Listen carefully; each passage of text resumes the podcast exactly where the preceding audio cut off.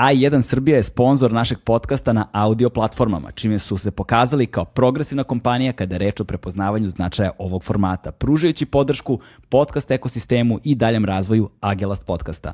Važno je da se razume da su podcasti nastali kao audio format i da je ovu sferu razvila i učinila mogućom sve popularnija kultura slušanja. Bez audio formata nema podcasta. Sada da pređemo na svog gosta.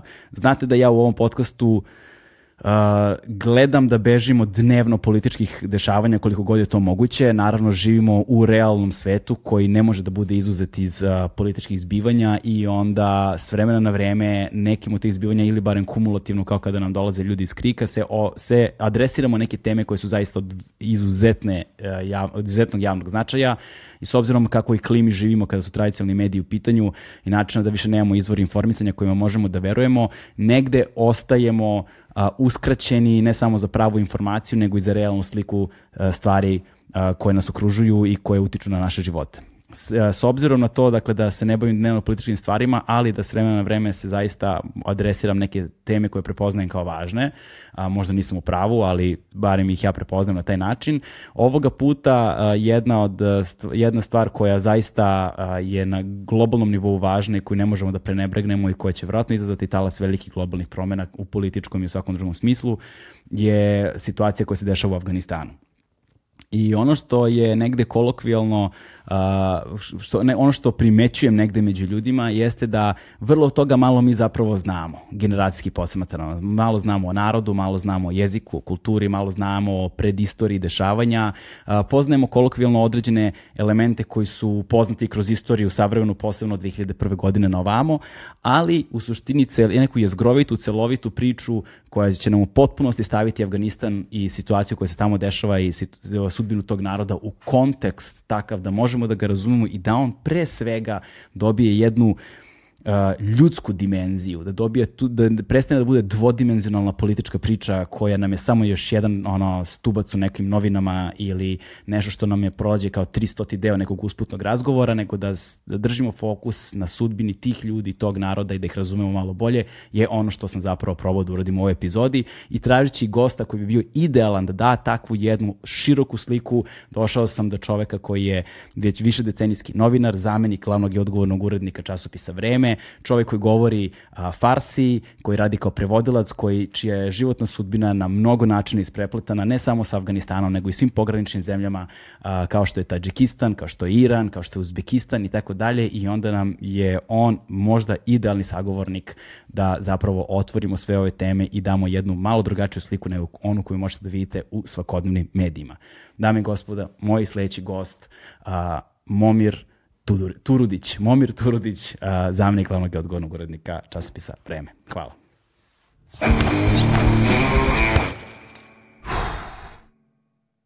Hmm.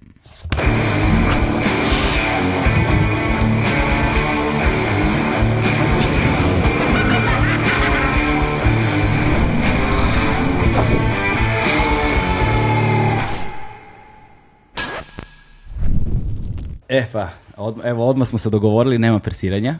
Dogovorili smo se. Dogovorili smo se. A, Momire, dobrodošao i hvala ti puno što si izdvojio vreme iz svog veoma zauzetog rasporeda da sednemo i ovdje porazgovaramo o nekim temama koje su vrlo aktuelne posljednjih nekoliko nedelja, a boga mi tema kada je Afganistan u pitanju je aktuelna uvek posljednjih ko zna koliko decenija unazad, otprilike. Hvala tebi na pozivu.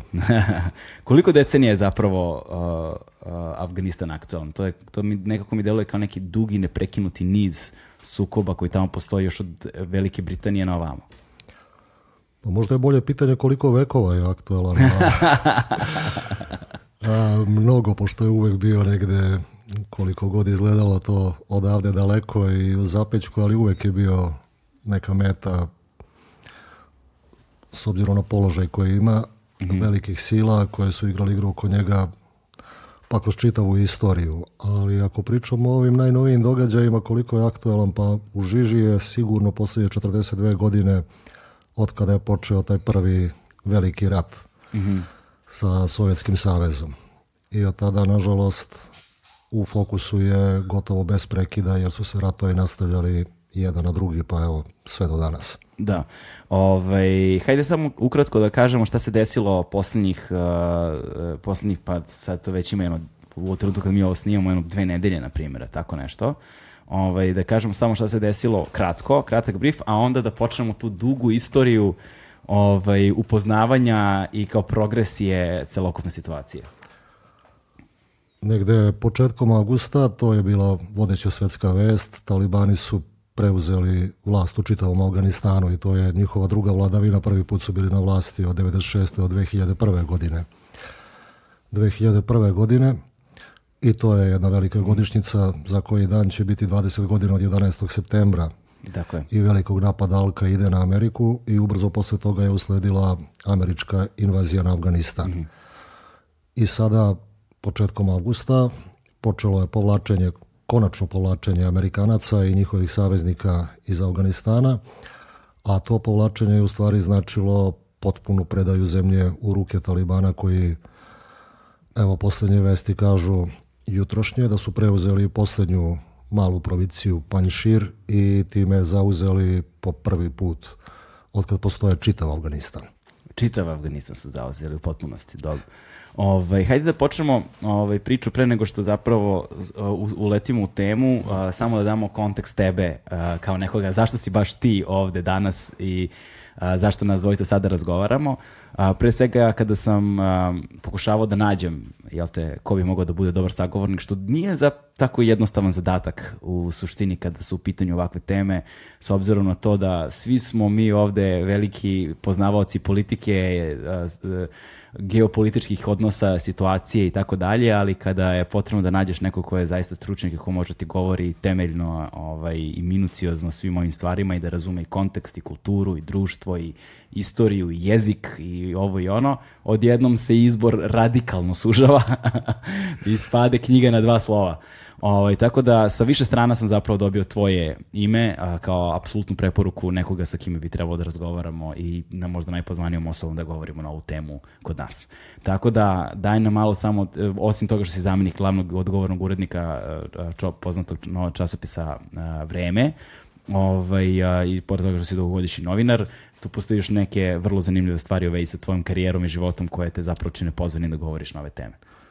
Ne bih baš samo rekao da sam jedini koliko god ova zemlja, kad smo se pripremali za ovaj podcast, eh, konstatovali smo da je nažalost u posljednjih 20-30 godina od kad je počeo onaj naš veliki raspad mm. Jugoslavije, da se da su interesovanja promenila, da je pre toga dok je postojala ta velika država, naročito kroz pokret nesvrstanih, da je ogroman broj ljudi prvo putovao mnogo više po svetu, naročito po ovim zemljama o kojima govorimo, takozvanog trećeg sveta, da. Africi i Aziji, ali ne samo to, nego da su informacije stizale iz prve ruke iz gotovo svakog kutka. Mm. Imali smo nekada široku mrežu dopisnika. Pa upravo to, i dopisnika i jako mnogo ljudi je bilo koji su radili širom sveta i to daje neku mnogo detaljniju i bolju sliku, ali nažalost konstatovali smo u našem razgovoru pre ovog mog gostovanja da su se interesovanja smanjila toliko da se skoro ne zna ništa ni o najbližoj okolini, a kamoli o ovim dalekim zemljama, ali još uvijek postoji puno ljudi koji na ovaj ili onaj način putuju i dobijaju informacije, ali to u javnosti ne odjekuje mnogo zato što ovo osnovno što sam rekao, interesovanje se smanjilo. Da. A što se tiče Afganistana kao takvo, kao što si rekao, ja radim kao novinar već dosta dugo, ali jedna druga stvar me sa tom zemljom povezala. Bilo je veza i pre toga. Ja sam, još kao mali sam se strašno uložio na knjige o putovanjima, mm avanturističke knjige i nekako me uvek Azija privlačio najviše kao kontinent i to je prvo išlo kroz stripove, ja se još sjećam kad sam čitao Paju Patka kao mali, ostalo mi je slika Paja Patak na hindu kušu. I ima tih nekih reči koje ti ostanu Šta je hindu kušu? Znači, da pre, pod, pod da budem glup, ne znam šta je hindu kušu. hindu kuš je planinski venac koji zauzima solidan deo Afganistana koji se nastavlja na Himalaji. Aha, okay. Vrlo visokih planira. Afganistan je znači, u tom delu gdje je Hindukuš, znači tu je prosječna visina i preko 5000 metara, bez gdje je Kabul je na više od 2000 metara, ali sama ta reč je meni zvučala nekako mistično, kao što mi je Tibet zvučao, pa onda neki gradovi kao Isfahan u Iranu, Samarkand u Uzbekistanu, nešto je bilo u tome. A toga se kao juče sjećam, Paja Patak traži snežnog čoveka i to je negde na Hindukušu. Da. E onda kasnije sam počeo da nalazim na neke knjige, u kojima se Afganistan pominjao na pa malo je reći magičan način. Mhm. Jedna od njih je dosta mlad sam bio, poznati naš slikar i novinar i putopisac Zuko Džumhur. Jedna neverovatno koloritna ličnost, strahovito obrazovan. U jednoj anketi, ne znam tačno kad je to bilo, 70-ih valjda godina u Jugoslaviji, bila je neka anketa ko je najsrećniji čovjek u Jugoslaviji. Zuko Džumhur je ubedljivo pobedio u toj anketi. Ezuko je, osim što je bio sjajan slikar i bojem široko poznat, on je radio i neke svoje emisije na televiziji čuvena Hodoljublja gdje je putovao i to je na neki drugačiji način potpuno. Ima putopisa i putopisa, to kad je Zuko radio, to je bila neka vrsta poezije.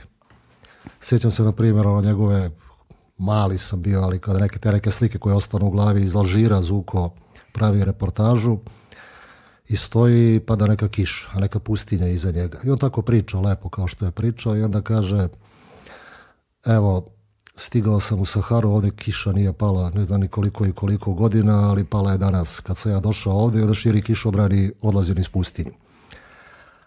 A, u odnosu na sve to što je on radio, obožavao sam i te njegove emisije i njega kao ličnost. Jedan sam naletao slučaj jednu knjigu koja se zvala Pisma iz Azije. Ja, ja sam pratio fanatično štampu i kad sam bio mali naučio sam da čitam preko stripova i novina i čitao sam te, nedeljom je to u politici izlazilo, ovo što smo pomenuli, tekstove dopisnika iz svih krajeva sveta. Tu je bilo i Perua, i Filipina, i Mongolije, da ne govorimo o ovim većim gradskim centrima u moćnim zemljama sveta, ali sam bio previše mali da bih čitao tekstove Zuka Džumuhura koje je on tamo negde početkom 70-ih pisao sa svog putovanja po Aziji. I ti tekstovi su kasnije sabrani u ovoj knjizi koju sam pomenuo koja se zove Pisma iz Azije. Da. Osim tekstova, to ja sam rekao da je on bio nevjerovatno talentovan slikar. Tako da su tekstovi i ti u novinama i ovi u knjigama ilustrovani njegovim crtežima. mm Meni je knjiga potpuno opčinila. Pri tome Zuko putuje i po bliskom istoku. A, e, sad ima interesanta stvar. Ima u engleskom jeziku, kod nas je turista turist. Odnosno čovjek koji putuje turistički po svetu, a u engleskom ima ta razlika traveler i turist. mm Da je turista čovjek koji putuje na, hajde zovemo ga organizovan način, preko agencije, ovako, onako, a putnik ima neku drugačiju konotaciju. Ima sad i onaj izraz backpackeri, ono, da, baci se ranac na leđa pa se putuje i to je možda najbliže ovoj odrednici putnik, ali to putnik je, konotacija toga, to je čovjek koji ide i za svoj groš Ide sve tom iz najrazličitijih razloga. Da, Kumo je objavio knjigu Kako sam postao putnik i prestao da budem turista. Tako se pa zove. Pa to je sjajno. Tako se zove knjiga. Sad, ne, sad pokušam pogledom perifernim negde da uhvatim, da, mogu, da vidim da li mogu da je nađem, ali ili vidiš tu negde, a? Dole negde, a? E pa, e, ja odavde ne vidim, tako da je vjerojatno ispod nivoa stola. Nema veze, nastavi. E sad isto ima i putnika i putnika. Mm. Zuko je bio od tih putnika najplemenitija kola. Ne samo zbog načina na koji je išao, on je putovao na način na koji ja najviše volim. On je zalazio na sva moguća mesta. Obilazio je i muzeje i atrakcije u svako mesto, ali se spuštao i u čaršije, na pijace, najsiromašnije delove. I u njegovom pisanju tu sve i smrdi, i miriše, i sija, i blista. To je kad čitaš kao da vidiš. Ne samo zbog njegovih crteža, ali kao da gledaš to o mm. čemu Zuko piše. Između ostalog, on je tada proputovao Bliski istok, bio je u Iranu, ali deo koji je on pisao u Afganistanu je mene vezao za tu zemlju koju nikada nisam video na način, ono, ne, možeš ne možeš da ne pročitaš tako nešto da ne poželiš da odeš na mesta koja, su, opisane, da. koja su opisana. I to je bio taj prvi književni susret sa Afganistanom i ja sam nekako počeo obsesivno, ne obsesivno, ali da pratim sve što ima i što postoji u Afganistanu, da jako mnogo čitam o toj zemlji, sanjajući naravno da ću nekada tamo da odem.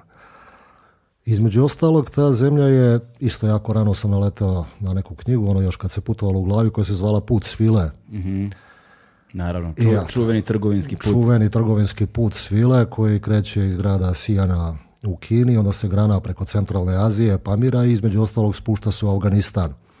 I u toj knjizi su bile fantastične fotografije svih mesta kojima je put svile prolazio, između ostalog i Afganistana.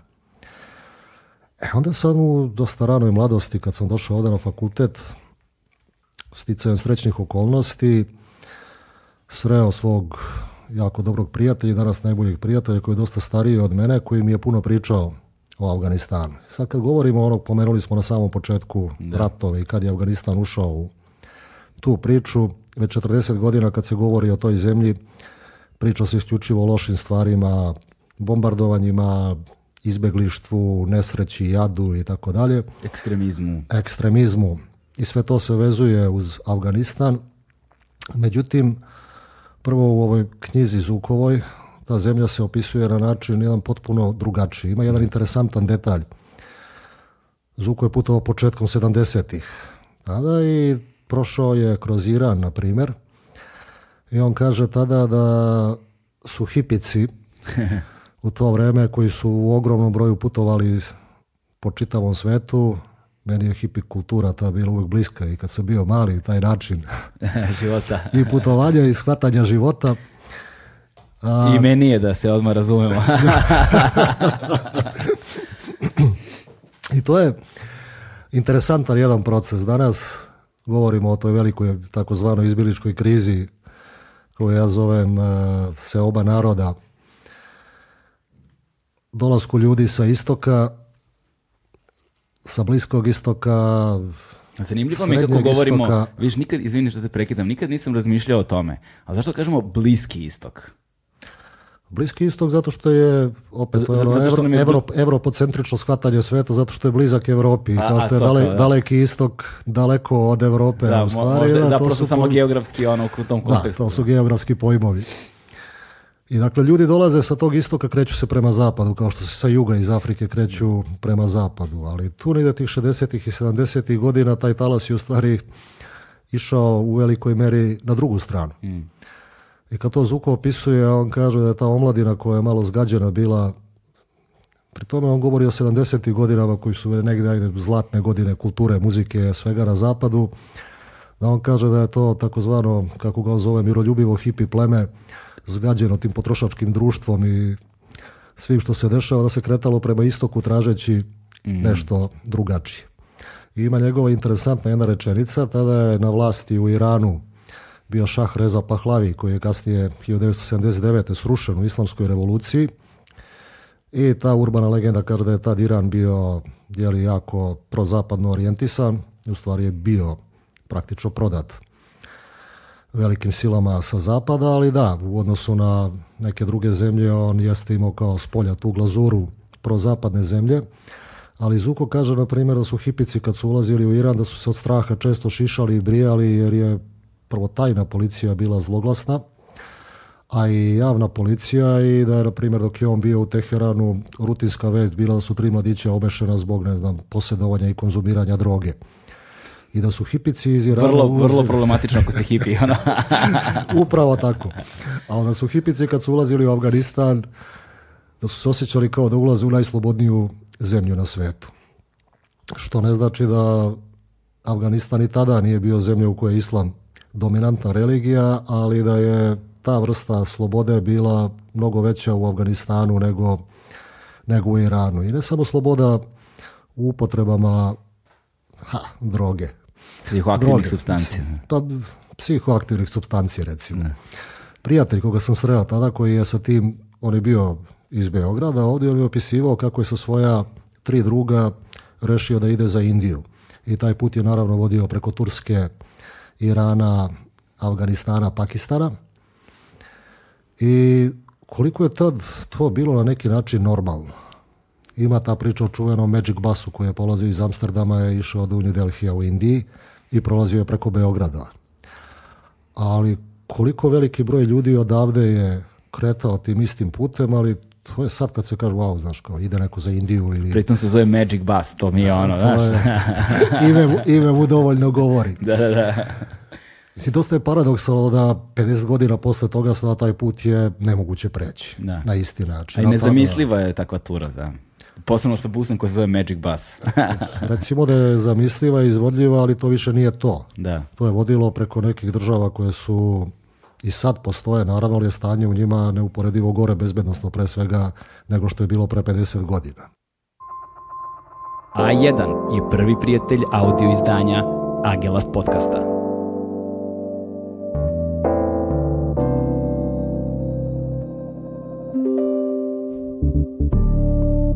I onda mi on pričao kako je nije bilo interneta naravno, nije bilo ni mobilnih telefona, ničega i ja sam gledao njegove slajdove koje napravio na tom putu i recimo neka krčma na granici Turske i Irana gdje unutra sede mladići i devojke, ono klasično hipi pleme, na zidu je neka karta Europe koja je okruta na opačke, niko ne da iz kog razloga i tu stoji oglasna tabla koja je današnji internet. U stvari na tabli svako ostavlja poruku za neke prijatelje ili pisma koji će tu sigurno proći. Njih četvorica nisu pošli u isto vreme iz Beograda, dvojica su pošli ranije, a dvojica kasnije zbog ispita na fakultetu. I onda nalaze na toj oglasnoj tabli pismo od ova dva druga kao, e, mi ćemo boce, naći ćemo se u Kabulu za tri nedelje na tom i tom mestu. I on kaže, stvarno dođemo do Kabula i nađemo se. I ovi ih čekaju. Ovi ih čekaju. Meni su i ti njegovi slajdovi iz sa celog puta, ali iz Afganistana posebno bili magični, kao i njegova priča. A, govorio mi je tada i u Kabulu i u celom Afganistanu osjećao se bezbedno kao u Jugoslaviji koja je u to vrijeme bila od najbezbednijih država sa nekim minimum kriminala. I u njegovim pričama i na tim slikama Afganistan je bio jako siromašna zemlja ali koji si imao osjećaj da si potpuno siguran i tu je zaista, kako to Zuko opisuje, on pominje na jedno mjesto kada su Afganistanci strašno ponosni i hrabri ratnici koji nikad nisu trpeli da im stranci dolaze u zemlju. Uvek su se borili protiv svake, svakog pokušaja zauzimanja i okupacije, ali da su hipike primili kao neko miroljubivo pleme da. u svoju zemlju, zato što su ovi bili spremni da žive na način na koji su isti, isti način na koji su oni živjeli, a drugo, ima jedna interesantna rečenica, morat ću da je potražim samo da je ne citiram baš,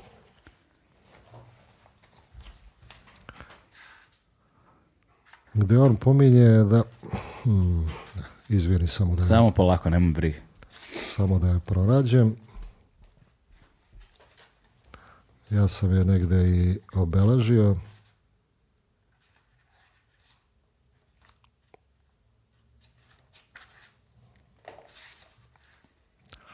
ne mogu baš da je nađem na prvo čitanje, pošto sam previše, previše stranica sam u toj zemlji obeležio da... Ajde ništa, prepričat. Imao si neki savijen list kod crteža. A, e, da, ali prepričat ću je, pošto... Samo lagano. bilo šteta, ali imamo vremena. Ma imamo vremena, slobodno potraži je. Nije nikakva drama. Nego mi je, naš fascinantno to, zamišljam sebe. Ja bih volao, eto, ako bih mogo... da, da mogu da putujem kroz vreme, volao bih da odem u taj, ono, da, da se provozam tim Magic Busom, čoveče, da prođeš kroz sve te zemlje ono... Što je meni ostala velika tuga zato što... Zamisli jedeš u Afganistanu.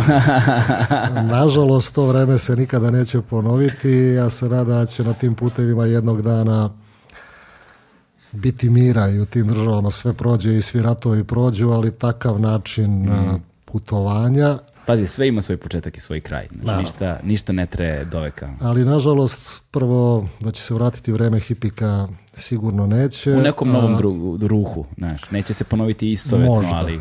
Ali, nažalost, i ožiljci ostaju, tako da mnogo mm. toga je i razrušeno jednostavno. Afganistan više nije isti kao pre 50 godina. Mnogo toga je nestalo. On opisuje, na primjer, to je u vreme kad su talibani došli na vlast, jedan, mislim, mnogo je zločina bilo, ali jedan od najvećih je bio taj kada su topovima uništili gotovo potpuno dve ogromne figure Buda u Bamijanu na severu Afganistana koje tamo stoje još od nekih budističkih vremena.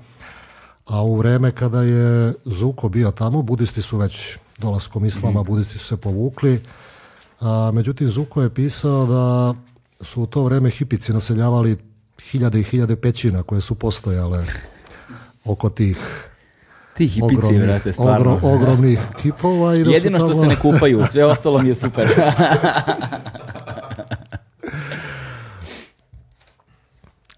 da, uglavnom on kaže da... Ti ga našao? Nisam, nisam uspeo, ali... Nema veze. Hajde, možda će ga biti ovaj, malo kasnije, on kaže da su između ostalog e, Afganistanci primili hipike i prihvatili ih zato što su jedni i drugi imali skeptičnost prema tom zapadu koji je mm.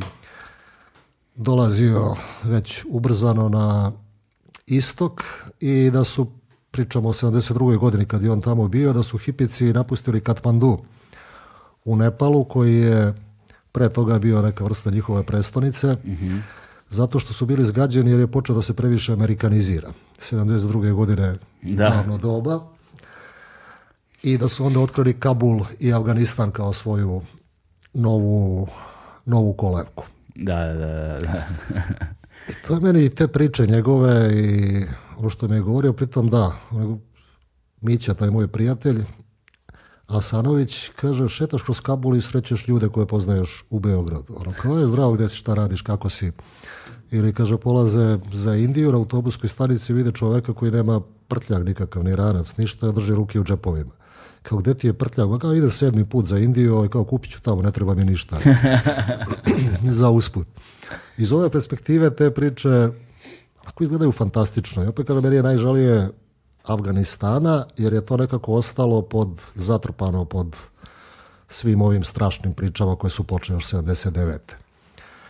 Ali ja sam još tada, kažem, tražio tragove Afganistana i u nekim drugim knjigama i koje sam slučajno nalazio ili svoje nalazile mene i onda sam letao na jedan drugi fenomenalan putopis. Putopis. Ja, to je knjiga i vrhunska literatura. Hmm.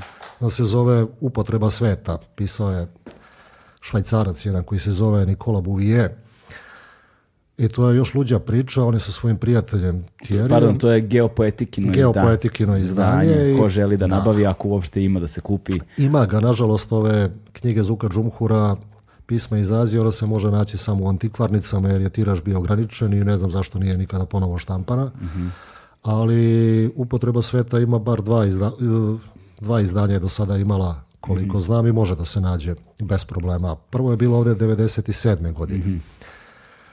I sad to je jedno još luđe putovanje. Ta dva momka, Nikola Buvije koji je knjigu pisao i njegov prijatelj Tijeri su negde početkom 50. godina nekim svojim spačekom, nekim starim Renaultom u svakom slučaju, pošli iz Švajcarske za Indiju i Šrilanku. Ali oni nisu, opet kad se vraćamo ovo, znači ima i putovanja i putovanja. Iz, izvini, to je sve utjecaj Beatlesa. Kad su oni otišli u Indiju, svi su krenuli u Indiju. A ne, ovi su pošli mnogo pre Beatlesa. bilo, je, ljudi koji su ti krajevi privlačili mnogo ranije. Jasno, jasno. To je bilo doba kad još nije bilo ni... Ni rock'n'rolla. Ni rock'n'rolla, nije bilo ni u naznakama još uvijek. I on opisuje to svoje putovanje, knjigu je pisao deset godina kasnije. Oni su polako kretali preko Jugoslavije tadašnje, pa Grčke, Turske, Irana, odnosno Persije i Afganistana. Njegova knjiga Upotreba sveta završava se na granici između na kiber pasu, čuvenom prelazu, iz, planinskom prelazu između Afganistana i Indije i završava se slučajno, to je jedan od najlepših opisa prirode i neke zemlje koji sam ja ikada našao. A njihov put je bio takav da su se oni zadržavali u mnogim mestima i živjeli po nekoliko meseci, između ostalog u Beogradu su živjeli na starom sajmištu koje su tada naseljavali slobodni umetnici, slikari, pisci, pesnici. Živjelo se naravno siromašno. Čovjek ima fantastične opise i ljudi, i gradova, i predela.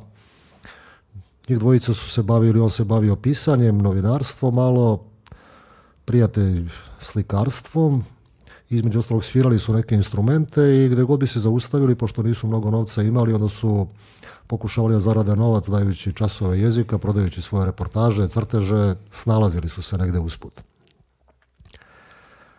Neverovatni su, kažem to, ti njegovi mm. opisi, to je dragocena knjiga koja govori ne samo o društvima i o ljudima i o nekom vremenu, nego i dan danas može da posluži kao neka vrsta i istorijske čitanke koja mnogo više govori o nekim vremenima i zemljama nego su istorijski podaci, čak i jako dobre istorijske knjige ili svedočenja. Naročito zato što je da je čovek koji je jako pronicljiv i gledalac i slušalac, a koji nije odatla nego onako sa strane je pa onda još i bolje i oštrije vidi, a potpuno su mu sva čula otvorena.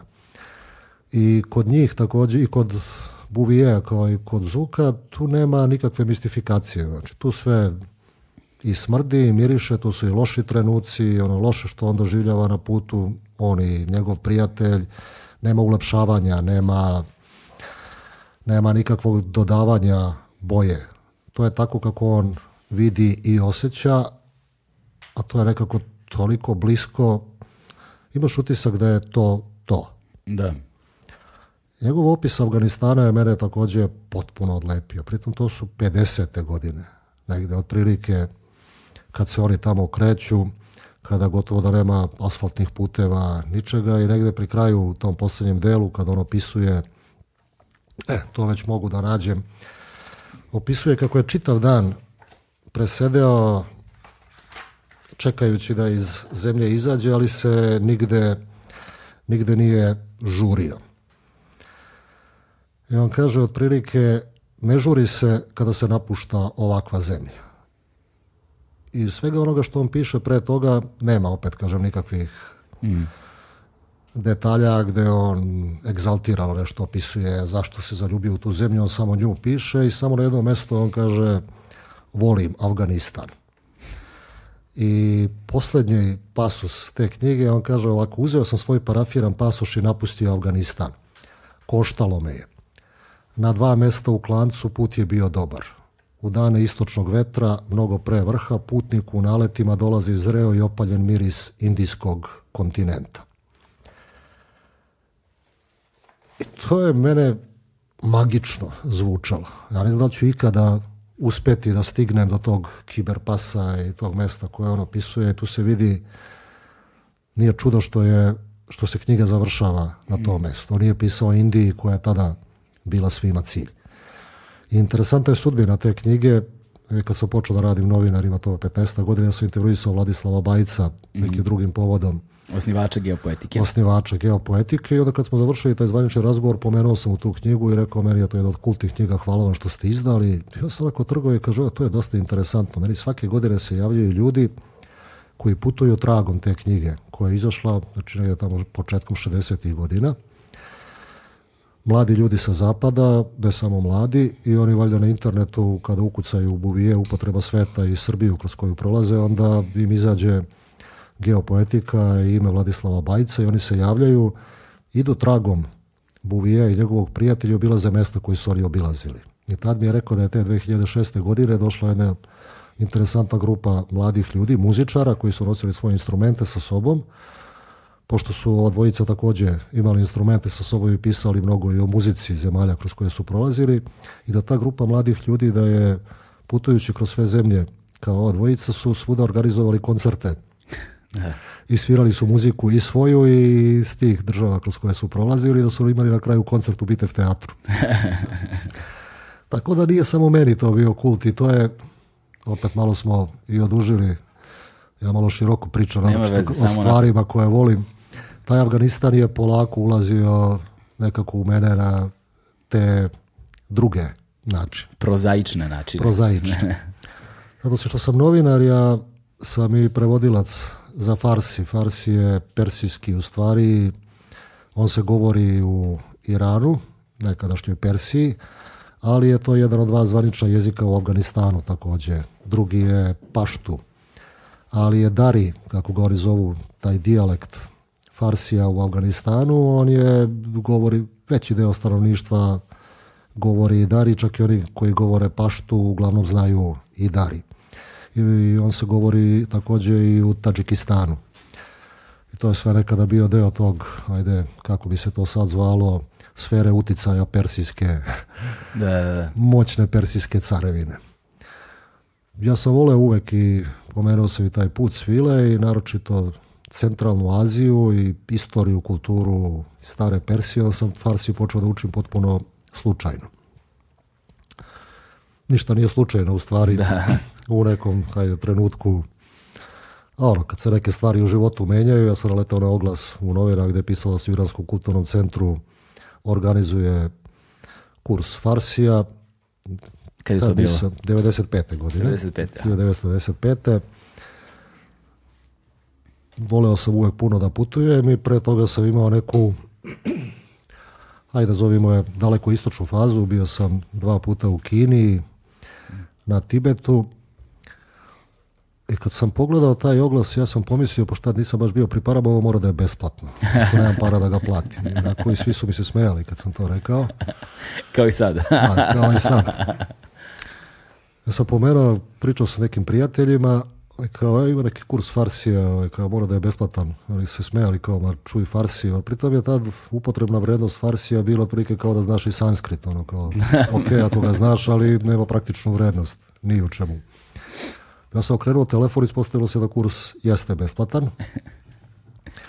A pre toga, inače, digresija opet nekoliko godina pre toga, moj pokojni najbolji prijatelj koji mi je bio cimer u studentskom dobu, on je također strašno voleo i Iran, istoriju Persije i uvek je govorio da će jednog dana kad bude u penziji otići da živi ili možda i pre toga u nekom selu u Iranu. Nažalost poginuo je u ratu pri kraju rata 1995. i nikada nije stigao do Irana.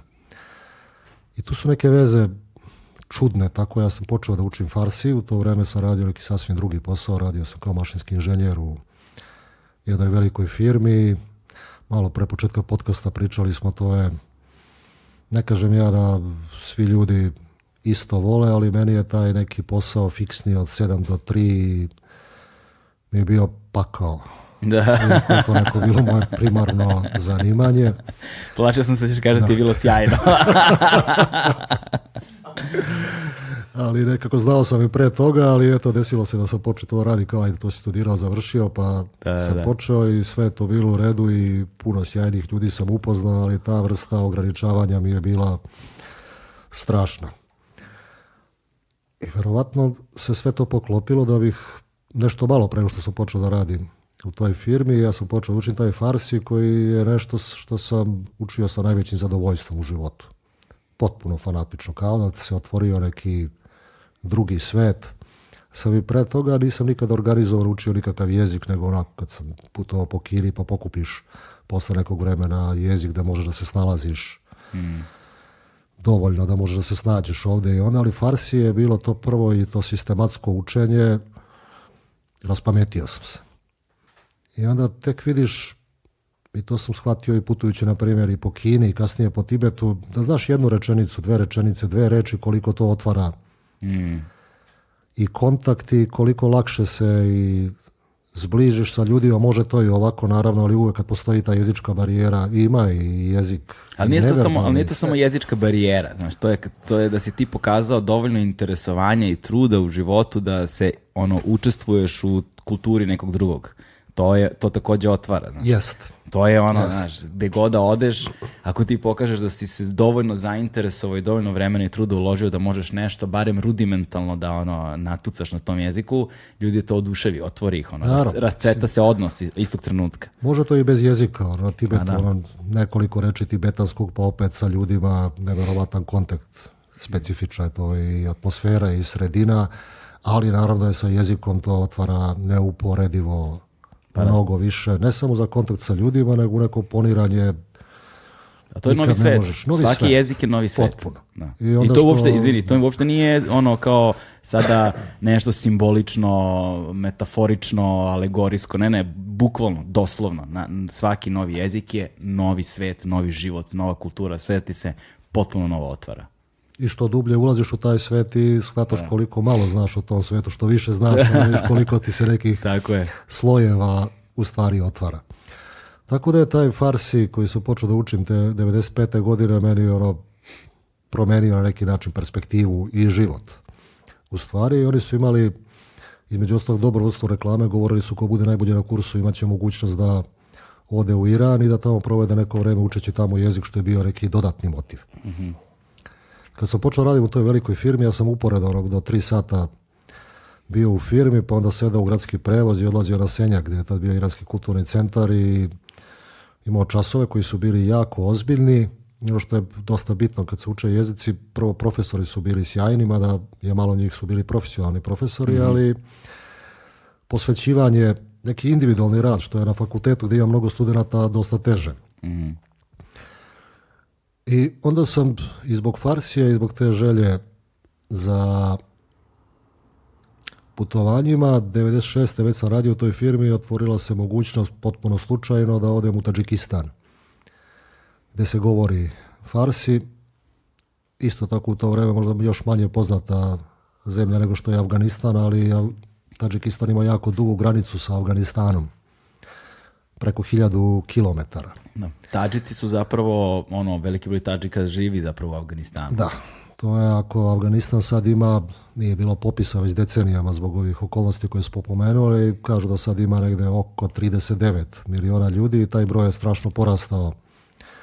Gotovo se duplirao, mislim, za poslednjih 20 godina zbog velikog priraštaja, ali od tih 39 miliona ima oko, otprilike oko 40% paštuna, a Tađika je oko 25 od To je značajan broj ljudi. To je veliki broj ljudi, tu je još i 10% Hazara, 10% Uzbeka, Turkmena, ali više Tadžika živi u stvari u, u Afganistanu nego u samom Tadžikistanu gdje ima negdje oko 5 miliona ljudi. Taj put u Tadžikistan je također bio u jedan potpuno novi svet. Ja sam znao nešto, to je interesantno je, to je ta bivša sovjetska centralna Azija koju čine ono, kako zovu stanovi Tadžikistan, Uzbekistan, Kirgistan, Turkmenistan i onda dole je Afganistan i Pakistan i onda je često i to je kad se uđe u jezik i to otvara neke druge objašnjenje u stvari, kao šta je taj stan, ono što svi zovu stanovi, onda često ili na Wikipediji ili ovdje onda kao to je, kaže Tadžikistan to je kao zemlja Tadžika ili Afganistan zemlja ali ne, stan u stvari znači mesto gde ima nečega mnogo. Recimo Cvetnjak je na Farsiju golestan, znači nije to zemlja cveća, ne ni država cveća, nego mesto gde ima puno cveća, da. kao što je Pakistan, ono pak, ono čist pa da, da, zemlja čistih ljudi, recimo to bi mogla bude kao zemlja čistih ljudi. I taj Afganistan u kojem sam proveo nekih, ne znam nije koliko, 5-6 mjeseci, valjda sve ukupno, je bilo nešto potpuno novo. Ja sam od Centralne Azije znao ponešto, tamo se odlazilo u vreme Sovjetskog saveza, ali u vreme kad se Sovjetski savez raspao početkom 90-ih, sve te države su postale nezavisne. I Kistan je jedan najsiromašnija od svih tih, ne baš pretjerano bogatih, novonastalih država. Pokupio sam neke informacije, tad je ono internet je bio u povoju, nije ga bilo. Moja čuveni vodiči za putovanje Lonely Planet koji sam koristili svi moji prijatelji ja putujući ovim backpackerskim načinom, tad još nisu postojali za centralnu Aziju, tako da sam imao nešto malo informacija od ljudi koji su bili, ali ne mnogo. I taj Tadžikistan je otvorio neki potpuno novi svet. Između ostalog, tamo sam bio, on je veći deo zemlje je planinski i više od polovina zemlje otpada na Pamir koji je jedno fantastično mesto, nešto što ja volim da zove mali Tibet, ako je Tibet krov sveta, onda je Pamir potkrovlje mhm. sveta, visoke planine, gorštaci koji tamo žive, pamirski tađici kojih ima nekih 150.000, ali oni govore do četiri, varije, pet, četiri ili pet varijanti Darija koje je Farsi, ali pošto su tako visoko u planinama, onda je to jezik koji se mnogo razlikuje od ovog. Izolovani su pa zbog toga. Vekovima su bili izolovani jer toliko je to visoko da ni osvajači nisu stizali do tada, do tamo.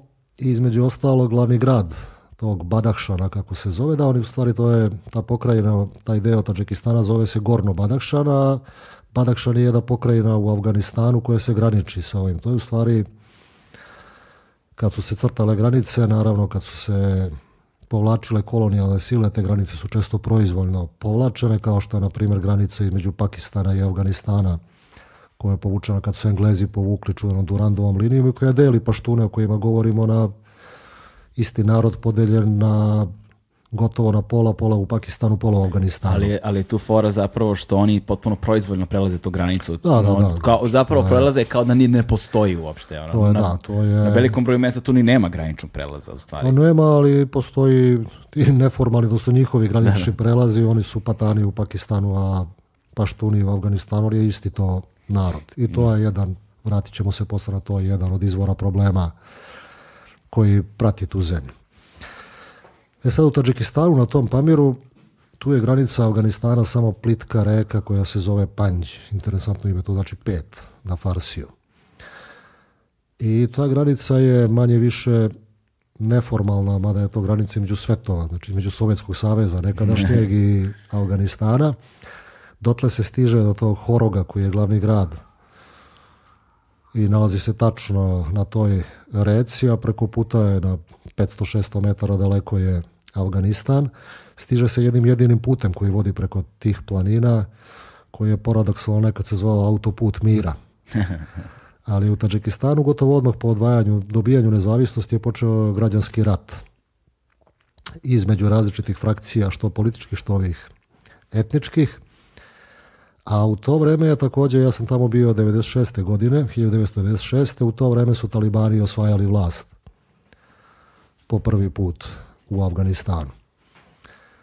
I u tom horogu i na toj reci, opet kažem, isti je narod, samo što je sa ove strane su živjeli u Tadžikistanu, nekad u Sovjetskom savezu, ali se ta granica proizvoljno prelazila i tu je trajao i ne trajao, nego jedna od aktivnosti glavnih, pošto je visoko je, jako, skoro ništa ne rađa i ljudima je ostalo jedino da se bave švercom. Na Pamiru je osnovni izvor šverce drago kamenje, rubini kojima je jako bogati. Ti rudnici su zatvoreni kada je počeo rat, ali su oni po planinama išli i sami iskopavali i to prodavali ispod ruke. To je malo izgledalo taj horo kao, Kazablanka iz ovog filma čuvenog sa Hemfrijem Bogartom. Svega je tu bilo. Jako mnogo izbjeglica koje su pobegle od rata iz Tadžikistana u svoju postojbinu, pa zatim izbjeglice iz Afganistana koje su bežale na ovu stranu, plavi šlemovi neki svi mogući, ali to sam nekog Poljaka koji je bio oficir, koji je bio u plavi šlemovi, a bio je početkom 90-ih je bio u Hrvatskoj, također radeći za Ujedine nacije. Uglavnom vrlo šaroliko društvo sa jako malo putnika, jer putnici ona nisu ni dolazili jer je čudno bilo šta ćeš tu da. da radiš i tamo sam bio s mojim saputnikom slučajnim Helmutom, Austrijancem, jedin koji je imao isto zvanično opravdanje zašto je tamo kao neka stručna praksa. I to što je delovalo i sumnjivo i smešno svakome koja kažem, ali njemu u stvari osnovni motiv bio skitanje po centralnoj Aziji. Tamo na Pamiru sam sreo mnogo Afganistanaca koji su prelazili i prvi put osjetio tu atmosferu pada Afganistana u ruke Talibana, s tim što taj sever nikada nije bio pod vlašću Talibana, tamo su uglavnom bili koncentrisani Tadžici i Uzbeci na ovoj strani Tadžici koji su se Talibanima suprotstavili svih pet godina i oni nisu stigli dotle, ali se osjećala ta, ta atmosfera rata sa druge strane. Pri tom je ruska divizija je držala granicu prema Afganistanu, pošto su Rusi i tada i sada to tretirali kao neku svoju spoljašnju granicu, što suštinski i jeste, jer odatle do Rusije je jako blizu taj utjecaj i ekstremizma i svega drugog se prelivao preko granice Tadžikistana i Uzbekistana dole i uvijek imao jak utjecaj na Rusiju. I tada je, na primjer, interesantna stvar.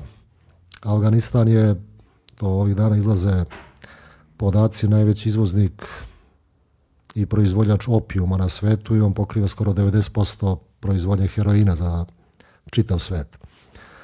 Nije sad samo da je to deo tradicije tamo, Mislim, mjesta ali nije samo zbog toga, nego zemlja je na ratovima za 40 godina, malo toga je ostalo gdje ljudi mogu da zarade novac. Sad često kad pričam sa ljudima, pitaju zašto Afganistan, ono, zašto je ta zemlja toliko u nekom fokusu kada, mislim, malo je to pogrešno shvatanje, kaže nema ništa. mislim, nema nafte. Planski se nema nafte, da, nema toliko prirodnih bogatstava, ali nekako sve planski, još od te 2001. slike koje su dolazile u Afganistanu, je to neka pustara u kojoj nema ničega, daleko je to od istine, ali istina je to siromašna zemlja. Sad zašto Afganistan? Zato što je na mestu koje je praktično kapija celog indijskog podkontinenta s jedne strane na istoka, na zapadu je Iran, odnosno Persija, indijski podkontinent, kad to kažem, mislim i na Pakistan i na Indiju, naravno. A prema severu, to je put kroz centralnu Aziju koji se otvara do južnih granica Rusije, ali nešto malo prema istoku, također tim starim putem svile i prema Kini. A u novije vremena taj opijum koji je najkvalitetniji na svetu, zato što me klima u Afganistanu najviše pogoduje, sticajem okolnosti postaje strateško oružje. Ne priča se o tome naravno, ali sigurno je da sve velike sile koje su kontrolisale Afganistan su i taj opijum koristile Mislim da se vratio malo u prošlost, samo tad je opijum u Indiji mnogo više gajen. ili su ga Britanci koji su vodili neku vrstu opijumskog rata, takozvanom, ne neku vrstu, nego takozvani opijumski rat protiv Kine, zato što skoro je bio tekst u vremenu o kolege Dragana Bisenić je sjajan na tome, o istočno-indijskoj kompaniji koju je on nazvao najvećim narkokartelom u 19. veku. Pošto su Kinezi tražili da im robu plaćaju srebrom, a Britancima je to bilo skupo, onda su rešili da im robu plaćaju opijumom, što je rezultiralo time da je porastao u najverovatnoj meri skoro trećine broj zavisnika od opijuma u Kini. Dakle, opijum i njegovi proizvodi i sve ostalo što uspeva u Afganistanu su sigurno neka vrsta strateške robe koje su koristile, nikad se to neće reći da li su to koristili Sovjeti, i Amerikanci tokom okupacije, ali reči ta činjenica da je Talibani kad su došli na vlast 96. oni su, pošto je to jeli protiv šerijata Kurana, pa su pokušali da suzbiju to gajanje opijuma, posle ulaska Amerikanaca je to skočilo do neslučenih visina. Opet digresija, šta će sad biti po Talibanima i kakav će to utjecaj imati na tržište narkotika koje je široko i rasprostranjeno svuda u svetu, to ćemo vidjeti. Ali jedna od stvari koje sam tada vidio dok sam bio na Pamiru, da je veliki deo heroina i svih ostalih produkata narkotika koji odlaze za Rusiju, preko Rusije u Europu, da ide tim planinskim putem koji se penje na visinu do 3,5-4 hiljade metara na kome ptica ne može da proleti, a to ne bude kontrolisano. A tu su i ruske snage, i plavi šlemovi, i bezbroj checkpointa na putu, Pritom s druge strane naravno ide i oružje za Afganistan i onda negde shvatiš da tim podzemnim kanalima verovatno i velike sile i svi drugi koji u tome učestvuju nalaze svoj interes i da to prolazi na takav način i onda također shvatiš zašto Afganistan ponovo. I tih, ti meseci života u Tadžikistanu mi jesu približili puno i tu zemlju i ljude. Mislim, to je neka vrsta, živao sam u jednoj porodici takav je bio princip kad dođe neko kao na tu tehničku razmenu, živi u porodici da bi student iz te porodice mogao da ide za Europu, ali to također približava jako mnogo i život. Da. I saznaš mnogo više stvari koje živeći sa nekim pola godine mnogo i stvari koje se redko govore ne samo strancima nego i bliskima. I sad sam, na primjer, mnogo slušao ratu Sovjeta u Afganistanu. Tačici govore isti jezik i bliski su, ali to je za Sovjet, prvo to je bila grobnica Sovjetskog saveza. Tamo je država konačno se skrhala i propala i to je za njih bio mnogo traumatičniji, verovatno, događaj nego što je bio Vijetnam za Amerikance. Da mi je majka tog prijatelja koji sam živio pričao da otprilike kada se dobije neko koji u vojsci poziv da ide u Afganistan, malte ne se organizuje sahrana, to je kuknja jer se zna šta ga tamo čeka i kakav je to rat bio. S druge strane, interesantno je, na primjer, dok je bio taj građanski rat u Tadžikistanu, on je tamo trajao i dok sam ja bio, mada na jugu zemlje, ja sam bio mahom na severu, da je veliki broj Tadžika bežao u Afganistan od tog rata, na taj sever. I opet ono govorim o tim poroznim granicama, o jednom narodu ispresecanog, ispresecanom nekim linijama granicama državne koje moraju da postoje, ali nisu jednostavno prirodne. Onda je to bio još bliži kontakt sa Afganistanom negde. Ja sam imao gotovo fizičko uzbuđenje. Tresao sam se od, od uzbuđenja kad sam usred noći stigao u taj horog na Pamiru, taj glavni grad Pamira i čuo hučanje te reke i video ta afganistanska brda preko puta. Kao da sam ne da daleko od toga sam stigao u kući, ali došao sam negde na nekog mesta o kome sam sanjao jako dugo. I to je neki paradoks kod mene u životu da sam nikada nisam kročio nogom na tlo Afganistana, ali je to zemlja koja mi je, ne mogu da kažem, odredila život, ali imala jako veliki utjecaj na moj život. I onda malo sam priču raširio, 90. sledeće godine sam po prvi put otišao u Iran, bio sam tamo nekoliko mjeseci na fakultetu, kasnije putovao po zemlji. To je bilo preko Iranskog kulturnog centra to učenje je Farsija na univerzitetu u Teheranu, a kasnije sam sa prijateljima putovao po zemlji i dobro se sjećam taj fakultet na kojem sam bio, Šahide Behešti se zove, on je negdje na severu Teherana.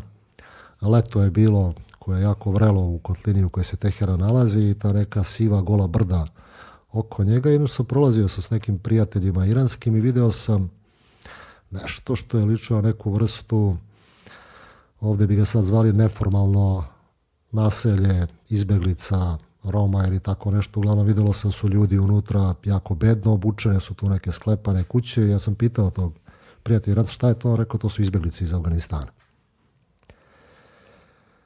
Onda polako saznajući onda vidiš da od kada je počeo i taj rat u Sovjetskom savezu, kasnije građanski rat koji je nastao čim su se Sovjeti povukli 89. godine, gotovo da se nastavio posle toga i trajao je dok talibani nisu uzeli vlast, pa se onda nastavio drugim sredstvima, ali da su milioni izbjeglica iz Afganistana došli u prve susjedne zemlje, a to su Pakistan i Iran. Sad znalo se o tome o svetu, ali uglavnom u ovim zemljama u organizacijama koje se time bave, poput unhcr Agencije Ujedinih nacija za izbjeglice, znalo se koliki je taj broj i koliki je to u stvari egzodus, kad se kaže, na primjer, da je na vrhuncu negdje bilo skoro 5 miliona izbjeglice iz Afganistana, 3 miliona u Pakistanu, 2 miliona u Iranu, to je neverovatno. Čitačikistan ima pet koliko ima država, koji imaju do 5 miliona stanovnika. Da, odnosno koliko je izbeglica ukupno došlo u Europu sad sa ovim posljednjim talasom? Tipa milion, da, tako nešto. Da, to je meni bilo tada kad smo pričali, to je bilo oko milion ljudi za godinu dana i svi su bili kao šokirani potpuno, kao milion ljudi u Europu koja ima, šta ja znam, preko 300 miliona stanovnika. Da. Dva miliona samo afganistanskih izbjeglica u Iranu od 80 miliona ili Pakistanu koji ima više stanovnika, ali 5 miliona izbjeglica samo iz Afganistana. A ta izbjeglička tragedija Afganistana od svih tih ratova, ovo što kažemo negde, ona je postojala, je nekako bila, pošto su stizali do zapada, ali u mnogo boljem broju nego danas, to je trajao naravno taj izbjeglički talas, to nekako nije bilo vidljivo, pa je te 2015. godine bilo kao zašto odjednom, kako odjednom? Pa nije odjednom, to traje decenijama ta tragedija te zemlje. Kasnije u boravku u Iranu, opet da se vratim na te moje veze sa Afganistanom, onda sam putujući po zemlju slučajno u jednom gradu, onako na ulici, naleteo na dva dečaka, preslatka koji su nešto prodavali, pa smo počeli da pričamo, ispostavilo se su oni izbjelici iz Afganistana, prelepa deca, puna neke sreće, veselja, radosti, puno smo pričali kako, odakle, šta, ali pored njih je bio i njihov stric. je vidiš čoveka koji je živ, ali pogled mu je mrtav potpuno. Niti o meni išta pričao, ova dva klinca su govorili odakle su, kako, kako su im porodice došle, kad su došle, ali mi je slika tog čoveka urezala se nekako u pamćenje. I ostala je ta veza sa Farsijem, pre svega nastavio sam da učim jezik. 2001. je došlo do ove prve američke invazije, 11. septembar na Afganistan i pojavila se slučajna mogućnost da možda kao prevodilac ovaj tada, pošto je bila strašna potreba, ali ja tada sam čekao svoje prvo dete mhm. i onda je supruga tadašnja rekla ne, ono kao, ne, ni za kakve pare i ništa, ovo, ovaj, to je, dete mora da ima oca. Kad se bude rodilo, da sam bio sam, ja mislim da bih otišao tada verovatno Afganistan, ne samo zbog novca i zbog izazova posla, nego zbog neke želje da konačno na te zemlje, pa makar i u takvim okolnostima. Ali i tada sam pratio jako mnogo koliko god je stizalo informacije iz Afganistana šta se u toj zemlji dešava. Jedan veliki skok nekoliko godina kasnije je dao, inače da, tih godina kada je to počelo, neki prijatelji su me pitali, jer su slike, ono, kad kažemo Afganistan, invazija na Afganistan, nekako planski je sve to išlo. Sve slike koje su dolazile iz Afganistana bile su slike spržane zemlje, u kojoj ničega nema. I dobro se sjeća kad su me neki prijatelji pitali kao postoji ništa u toj zemlji? Sve ovo što se vidi, nema ničega. Šta napadaju? Kao pustare neke, blatare i to. Ne postoji, ali ako pokažeš da nešto postoji u toj zemlji, da se ruše i neke stvari koje postoje, onda to ostavlja drugačiji utisak. Kao ovako vidi, kao pa bombarduje se i napada se neka pustara, pa nije to... kao da se roka samo po kamenjaru i ništa pa više. Pa upravo tako.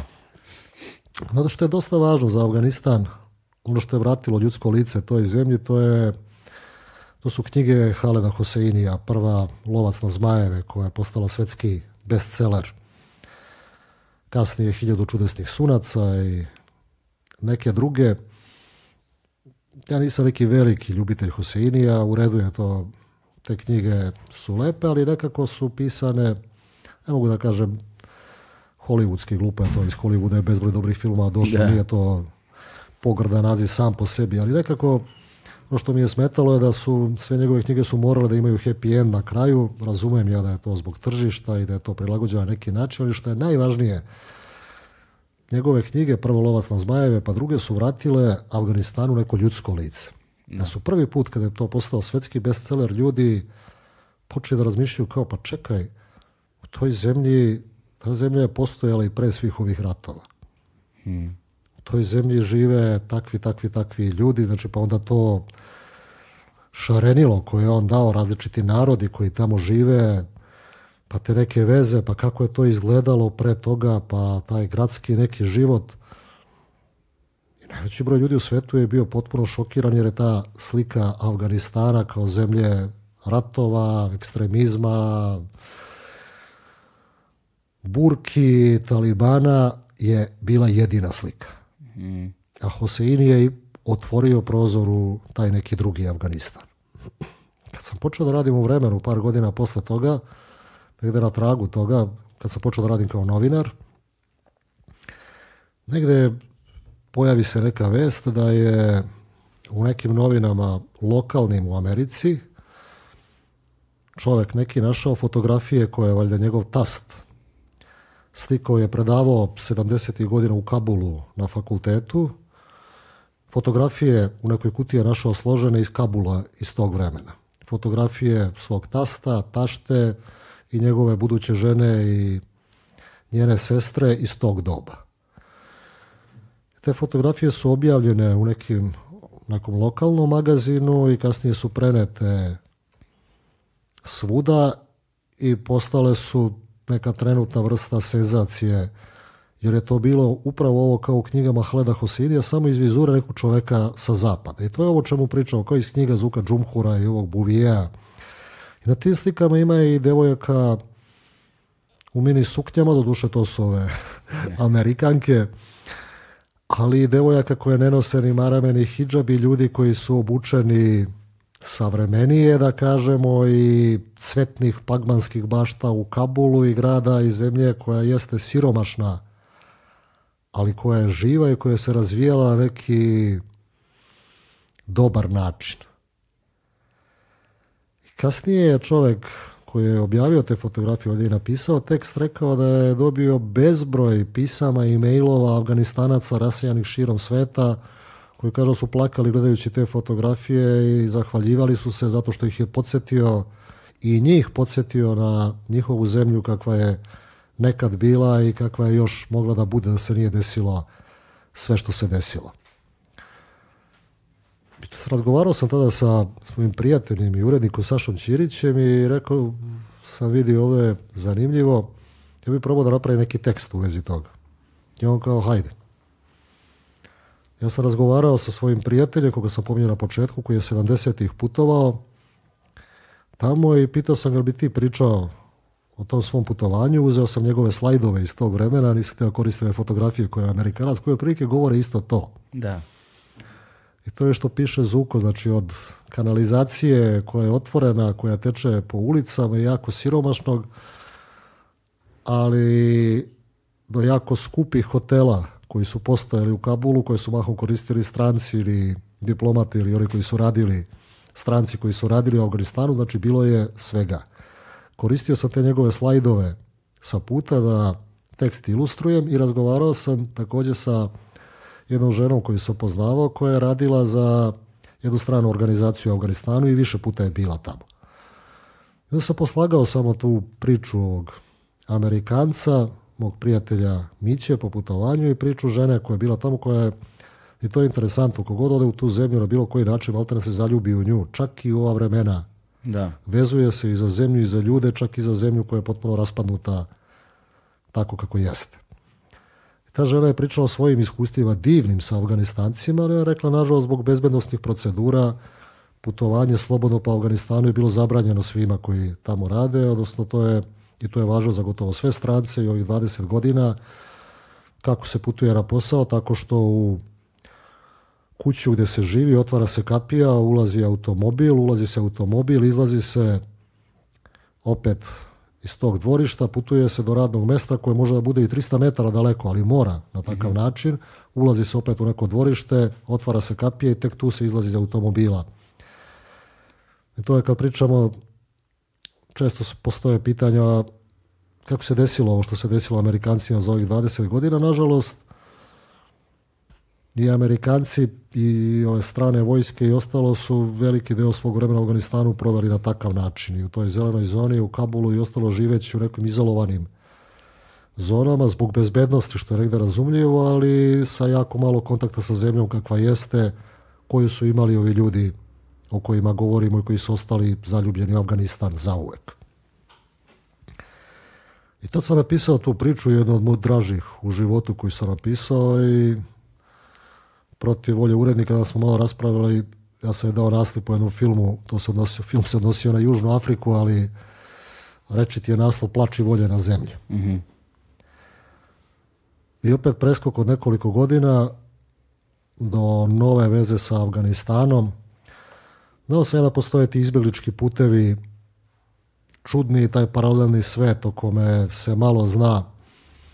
2002. i 3. godine sam sa porodicom živeo u Libiji godinu dana i negde sam osjećao da se nešto dešava. Osjećao, kad kažem osjećao, i tamo sam voleo i da, da se družim sa svima i idem svuda, to jako mnogo je bilo izbjeglica iz podsaharske Afrike koji su prelazili strašan put preko Sahare gdje je mnogo njih živote i kosti ostavilo, rizikujući samo dođu na obalu Mediterana da bi odatle ilegalno brodovima se prebacivali do Malte ili do Italije i negdje se osjećalo da taj straš, ogromni talas kreće. Pričajući sa tim ljudima sam shvatio jednu stvar da kad smo razgovarali o tome kako možeš da kreneš sa porodicom i sa decom kilometara km, 2000 km preko Sahare, kad je to kad džipom ideš uz rezerve hrane i vode nije ti sve jedno. Da. Kad počne, kad se digne peščana oluja, ideš kamionom, nekim sporednim putima i ostalo. I onda shvatiš da ti ljudi u stvari beže od smrti, da većina njih govori istu stvar, da im je svejedno da li će umreti u ratu, bolesti, u tim svojim zemljama, a da ovako možda imaju neku šansu.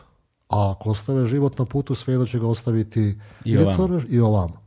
I da je to nešto da je ta vrsta očaja nešto što ne mogu da ustave ni granice, ni zidovi, ni bilo šta, odnosno da taj talas se kreće i polako dižu i to je proces koji će trajati ne mesecima, ni godinama, decenijama, ali da se to dešava. S druge strane, taj isti takav talas kreće se sa bliskog srednjeg istoka, pa i dalje jugoistočne Azije, kreće se na drugu stranu. Ja sam to shvatio kad sam potpuno slučajno radeći jedan tekst o motelu Hiljadu ruža, gdje su nekada, mislim, pratila me ta neka izbjeglička priča. Ovo je kodavale. Da. Kažem, ta neka izbjeglička priča i ta fascinacija tim izbjegličkim životom, sudbinama i pričama me, otkad znam za sebe, me, ne znam zašto me to zanimalo. Pa onda tu bilo i ovi naši ratovi. posle 93. godine ja bio kao ilegalni imigrant u Grčkoj nekih 5-6 mjeseci, kad je bila ovdje visoka inflacija, kad je ogroman broj naših ljudi išao u Grčku. Nije to bilo isto, naravno, ali tamo sretao ljude Znači izbjeglice iz Bosne, sa Kosova, Albanije, onda ne samo izbjeglice, ono što zovu ekonomski migranti, Rusija, Bugarska, Rumunija, Belorusija i svi su se skupljali u Grčkoj tada jer je posla bilo, radili su se najteže fizički poslovi. A manje je bilo izbjeglica iz rata, ali ta sudbina čoveka bez ikakvih prava koji može da postoji da ne postoji, koga mogu baciti u more, ubiti i ostalo jer ga nema ima pasoš, mu je viza istekla ili nema pasoš, sve jedno je potpuno. Znači ti ne postojiš u evidenciji. Nekako sam i na taj način osjetio kako, kako to izgleda i to je veoma gadan osjećaj. Mm. To je jedan od, od, To je bukvalno ovo o čemu pričamo. Ne postojiš. Strašno je bilo teško ljudima odavde, dolazili su i ljudi iz Bosne, ali koji su izbjegli pa onda pravo iz rata, ali ljudima odavde je bilo jako teško da prihvate to da su par godina pre toga bili u Grčkoj kao turisti i da su se prema njima svi odnosili kao sa poštovanjem i sa ljubavlju, ta priča ono kao Grci i Srbiji kao braća. A e onda kad dolaze, dolaze u masu ljudi koji su potpuno isti i svakome je svejedno. Da li si ti Arapin, Albanac, Srbin, Rus, ti si čovek koji dolazi tu da radi, koji živi i radi ilegalno. Ti si izbjeglica. Ti si ono što, što bi sad zvali ekonomski... da, migrant, ekonomski migrant. da. Ekonomski migrant, ali onda shvatiš također da, ono, kad si izbjeglica to je mnogo teža sudbina, ti zbog rata ne možeš da se vratiš u zemlju. Da. To mi nauđe kad kaže imigranti vratite se kući. Pa brate da imaju kuću ne bi ni bili ovdje, znaš, kao koji kući da se vrate. Upravo to, ili je, niko ne polazi ako ne mora. Da. Moglo da se kaže i tada za ljude koji su dolazili iz Srbije, pa nisi morao, toliko ljudi je bilo ovdje, pa je preživelo. Što je tačno. S druge strane, ako si hteo, ako si imao neke, ja sam tog novca kasnije sljedeće godine otišao u Kinu na taj put. Ako si imao ikakve želje, ako... Ali bez obzira, opet, to, što je puno ljudi ostalo, to ne znači da to pravilo važi za tebe. svaki čovjek ima ono, sudbinu koja je krojena isključivo ovaj, na, na, po okolnostima u kojima se ta osoba nalazila i nje, ta osoba i porodica te osobe ili bliži bilo koji šta god. Uh, svaki čovjek ima svoju sudbinu, znaš, ne živimo svi iste živote, ono. Znaš, možda živimo u sličnim socioekonomskim okolnostima, ali previše je nepoznatih ujednačenja da bi su mogli da stavimo jedan šablon i da ga preslikamo na sve ljude. To prosto nije moguće, tako da... Znaš, jeste možda bilo moguće za ove ili one da prežive, ali za neke sigurno nije bilo. Pa i to je, ali nažalost ti šabloni, to je druga velika tema, ti šabloni se sve više primenjuju i kad pričamo to o izbjeglicama i sad na ovu posljednju priču o Afganistanu mi vidimo da je ta priča, mm. najveći deo te priče je strah, naročito u Europi od nekog novog talasa izbjeglica iz Afganistana. Pa onda s jedne strane kao borba za ljudska prava, ok, talibani pustite svakoga ko hoće da ode iz zemlje, a s druge strane i ako već izađete iz zemlje, ostanite vi u najbližim zemljama Iranu i Pakistanu pa ćemo i vas tamo pomoći. A možete ostanete i u zemlji pa ćemo vas tamo pomagati. To je ta neka vrsta licemerija koja strašno iritira naročito kad se približiš nekom nekoj srži te priče. A ja sam se, kažem, preko te izbjeličke teme su me nekako uvek obsedale i onda da se vratim na ovo kad sam radio taj tekst o motelu Hiljadu ruža, Palo mi je na pamet, bio sam tek novinar početnik i onda naravno dođe urednik i kaže imaš i nešto. Ja se sjetio nekog vremena, moj ujak imao vikendicu na avali i nešto je trebalo da radimo kod njega i on je rekao pa hajmo tamo do hiljadu ruža, ima ovih ljudi koji hoće da rade. da smo otišli tamo i bio je neki mlad momak, čini mi se da je bio iz Albanije i oni ja smo zajedno nešto kopali to po dvorištu i ujak je to pošteno platio i ručak i sve. Malo sam popričao sa njim i on mi je rekao da je u tom hotelu i da su tu izbjeglice.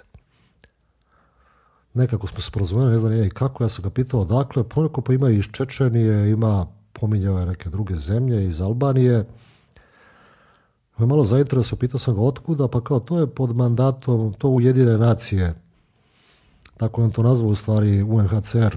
mm plaćaju da bi izbjeglice tu boravile jer nema gde. I mi je bilo onako dosta čudna priča i uvijek sam se pitao kasnije godinama šta se desilo i sa hiljadu ruža i sa tim izbjeglicama odatu i on rešio kao da pravim priču o tome. I otišao sam i iskopao jednu od nevjerojatnijih priča u životu o čoveku koji je vodio taj motel, to je bila ta državna firma, deo neke državne firme, ne kako se zvala, i kako su sticajem okolnosti tada izbjeglicu u mnogo manjem broju, ali dolazile u Jugoslaviju i Srbiju, UNHCR se brinuo o njima i onda su sklopili ugovor sa tom firmom da u motelu Hiljadu ruža jedan deo služi za prihvat tih izbjeglica koje tu budu dok se ne obrade ti njihovi zahtjevi za azil, dok ne odu i tako i taj motel je vodio čovjek koji je bio upravnik, koji je vodio i ovaj deo. Mm. Koji je bio takav kakav jeste i brinuo se o tim ljudima kao o svojoj deci, bukvalno. I u sred noći ih vodio kod lekara i upisivo ih u školu, onda sam bio u školi, to je najbližoj navali gdje je bezbrojna deca su završila, pa su mi pokazali slike koje su slali su iz Australije, Kanade, Amerike, gdje god su kasnije stigli. I onda sam došao slučajno i u dodir sa ljudima iz UHCR-a e koji su me uputili sa čovjekom koji mi je kasnije postao prijatelj i koji me uputio na celu tu priču oko upravnika koji je bio izbjeglička majka, zaista u pravom smislu te reči, jedan od onih tihih heroja za koje se nikad ne sazna, a koji nekako čuvaju srži i ljudskosti u svakom društvu i u svakom narodu ih ima svuda koji rade i čine dobro samo zato što je to u njima zato što misle da tako treba raditi. taj čovjek mi je kasnije da je također pokazivao bezbroj pisama rezlinica u kojima koji su mu pisali već odrasli neki momci i devojke koji su mu pisali da ga nikad neće zaboraviti ni njega, ni Srbiju, ni sve što su tu dobili. Tad sam došao prvi put u kontakt sa ljudima iz UHCR-a i u nekoj priči se ispostavilo da mi je potreban prevodilac za farsi, ostavio sam neki svoj kontakt i dobro se sjećam u januaru 2009. godine i prvog poziva da razgovaram sa troj Afganistanaca da prevodim. Ja često kažem, ono i to se zezamo u vremenu, da je vreme počelo se bavi izbjegličkom krizom kad izbjeglička kriza još uvijek nije ni postojala.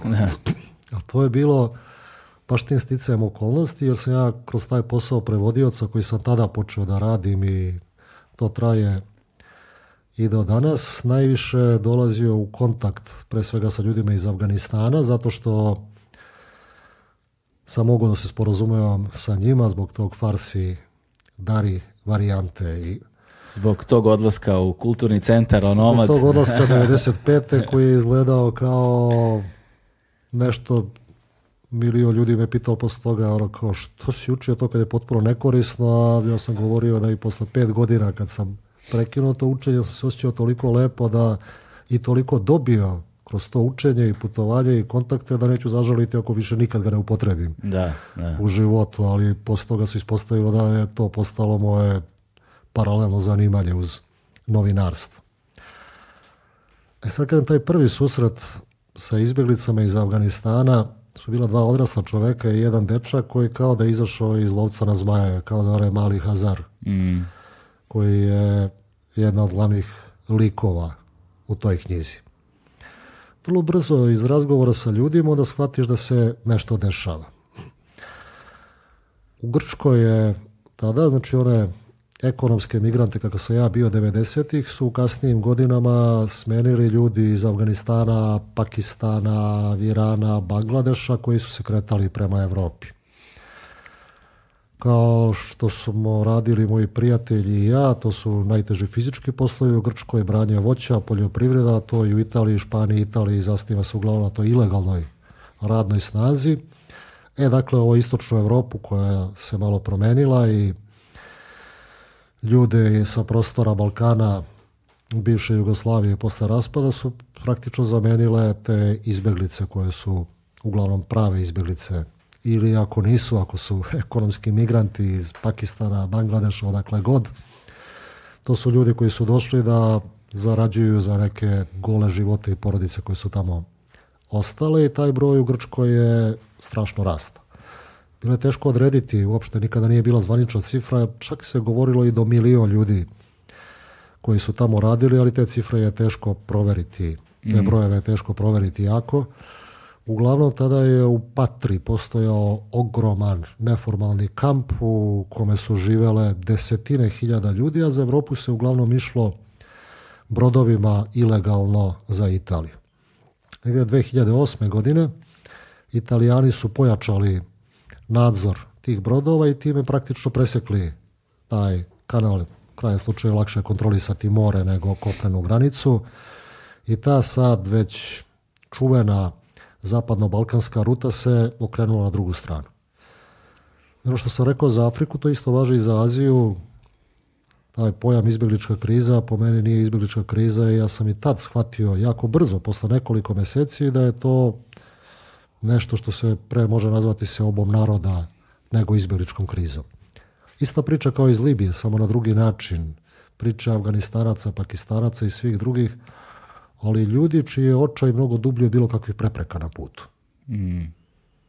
I koji znaju šta ostavljaju tamo i od čega beže i znaju gde znaju. Često i ne znaju gde idu, ali imaju sliku tog nekog sveta koji je sigurniji i mirniji i kreću se prema tom svetu u manjem ili većem broju, ali se nezaustavljivo kreću. To je počelo tad polako, 2009. godine, niko to gotovo da nije ni registrovao, osim organizacija koje se time bave, ali je vrlo brzo bilo jasno da se ta ruta promenila i da se kreće iz Grčke, pre toga uglavnom Iran, Iran, Turska pa Grčka, da se ta ruta prebacila na Grčku, Makedoniju, Srbiju i kasnije Mađarsku i ove druge zemlje. Da. Afganistan je tad počeo da stiže i u Srbiju, a ta moja veza sa Afganistanom je ostala od tada pa nadalje postala je mnogo jača pre svega zbog kontakta sa hiljadama i hiljadama ljudi za ovih, evo već koliko je, 12 godina koliko se tim poslom bavim njihovim pričama, njihovim licima, svim što sam od njih slušao i o njima i o Afganistanu. I da, i onda je, ne mogu da kažem konačno, ali na taj način mi je Afganistan postao još jednom integralni deo života, iako, kažem, opet nikada to zemlju nisam fizički kročio nogom. Da. Ovaj, e, malo pre, malo pre, mislim, nešto ranije u razgovoru pominjao si, dakle, ovaj, Talibane i da ćemo se zapravo vratiti na tu temu i da razumemo i njihovo poreklo i njihov, njihov razvoj i tako dalje. I kad govorimo o tom sukobu, odnosno o toj invaziji Sovjeta, jer možda nam je to, recimo, bili su Britanci pre Sovjeta, sad ne znam koliko nam je to relevantno za ovaj razgovor, ali za, ali za, ali za kontekst ovoga sada što se dešava u Afganistanu, Sovjeti su apsolutno, apsolutno važni, zato što su Sovjeti u suštini, odnosno Amerikanci su sa Sovjetima vodili takozvani proksi rat dok je trajala sovjetska invazija na Afganistan, je tako? Pa tačno, ali možda bi bilo bolje da se vratimo i na ovaj britanski prethodno. Jeste to malo istorija. Za Afganistan se obično kolokvijalno kaže da je to grobnica imperija i da su tu poraženi Britanci, Sovjeti i sad evo Amerikanci. Zapravo Iran je, eh, Iran, pardon, Iran, Afganistan je eh, jedina zemlja na svetu koja ovaj, je više puta osvajana, ali nikad nije pokorena. Afganistanci nikad nisu bili pokoreni. To pa to je mnogo precizniji da precizniji izraz. I ovo kad kažemo o Britancima, tačno je. Ono, pominjali smo važnost Afganistana kao takvog oduvek zbog položaja, zbog trgovine. I izređalo se tu naravno i u svoje vreme i Persijanci, zatim Timuridi gore sa severa. Previše je zemlja važna i njihovi potomci. Bezbroj jako važnih država je postojala na tlu Afganistana, ali ako već govorimo o 19. veku, naravno u to vreme kad je Britanija bila pa recimo na vrhuncu svoje moći kad je to bila imperija u kojoj sunce nikada nije zalazilo, to je bio prvi taj anglo-afganistanski rat, kako su ga zvali, ja mislim da je to bilo 1842. ili tako, je, sredinom 19. 19. veka, kada je velika ekspedicija došla u Afganistan, britanska, i iz koje je po predanju se samo jedan čovjek živ vratio.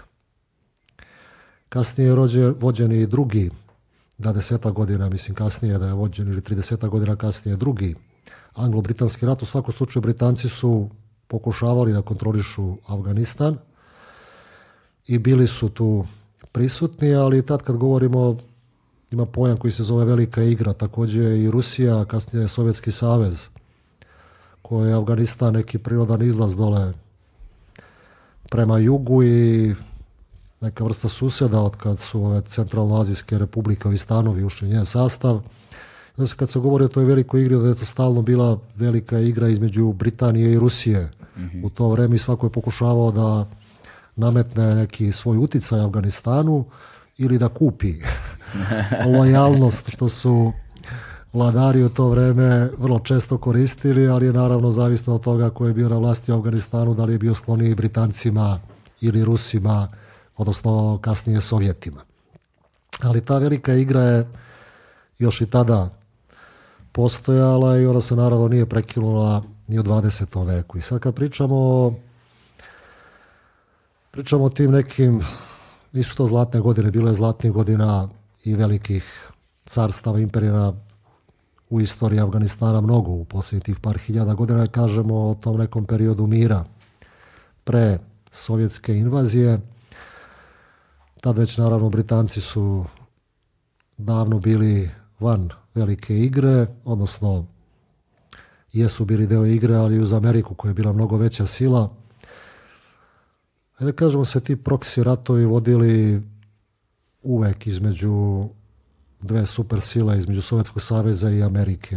Ajde samo da objasnimo za ljude koji ne znaju šta, da, šta je proksi rat. Pa to je rat koji se vodi na teritoriji jedne države i koji vode neke dve sukobljene strane tu, a u stvari rat vode neke druge države koje stoje iza toga, a nisu direktno uključene. Tako da, na primjer, kad kažemo, hajde da kažemo ovako, rat u Vijetnamu su vodili Vijetnamci i Amerikanci, ali naravno da je Sovjetski savez podupirao i Vijetnamce i sve ostalo i da su faktički u Vijetnamu ratovali Sovjetski savez i Sjedinjene države, ali ginuli su u najvećem broju Vjetnamci. E tako u Afganistanu su ratovali Sovjetski savez i Afganistanci, određene grupe, ali su ratovali u stvari Amerikanci i Sovjetski savez, ginuli su Afganistanci i Sovjeti, kao što su naravno u najvećem broju vam ginuli Vjetnamci, u mnogo manjem broju Amerikanci. I to je ono kad kažemo velike sile vode ratove na teritoriji drugih država koje su im značajne i to je važilo za Afganistan i tih 70. godina jačo je utjecaj Sovjetskog saveza, ali s druge strane Amerikanci su pokušavali da se ubace u Afganistan iz ove sa naknadnom pameću iz ove perspektive, a na taj način su navukli Sovjetski savez da u Afganistan uđe mhm. vojno, a ušao je zato što su procenili sovjetsko rukovodstvo da postoji velika opasnost da će Amerikanci, njihovi aj nazovimo ih sateliti, tada Pakistan, Saudijska Arabija, preokrenuti zemlju, odnosno dovesti na vlast nekoga ko će prekinuti veze sa Sovjetskim savezom. I to je bio konačni, tih deset godina tog krvavog rata je bio konačni krah Sovjetskog saveza, strašan jedan To je zapravo od 79. do 89. Kad govorimo o tom proksi ratu i to je, možemo reći da je to početak tog, ne Talibana, ali dolaska stranih boraca u Afganistan jer su pre svega Saudijska Arabija novcem, Sjedine američke države novcem, instruktorima su i finansirale i obučavale Pakistan također kao jako bitna zemlja u svemu tome, sa čije teritorije se maltene sve to radilo. Finansirali ogroman broj stranih boraca, pre svega iz arapskih zemalja, da idu u Afganistan i da se bore protiv sovjetske vojske.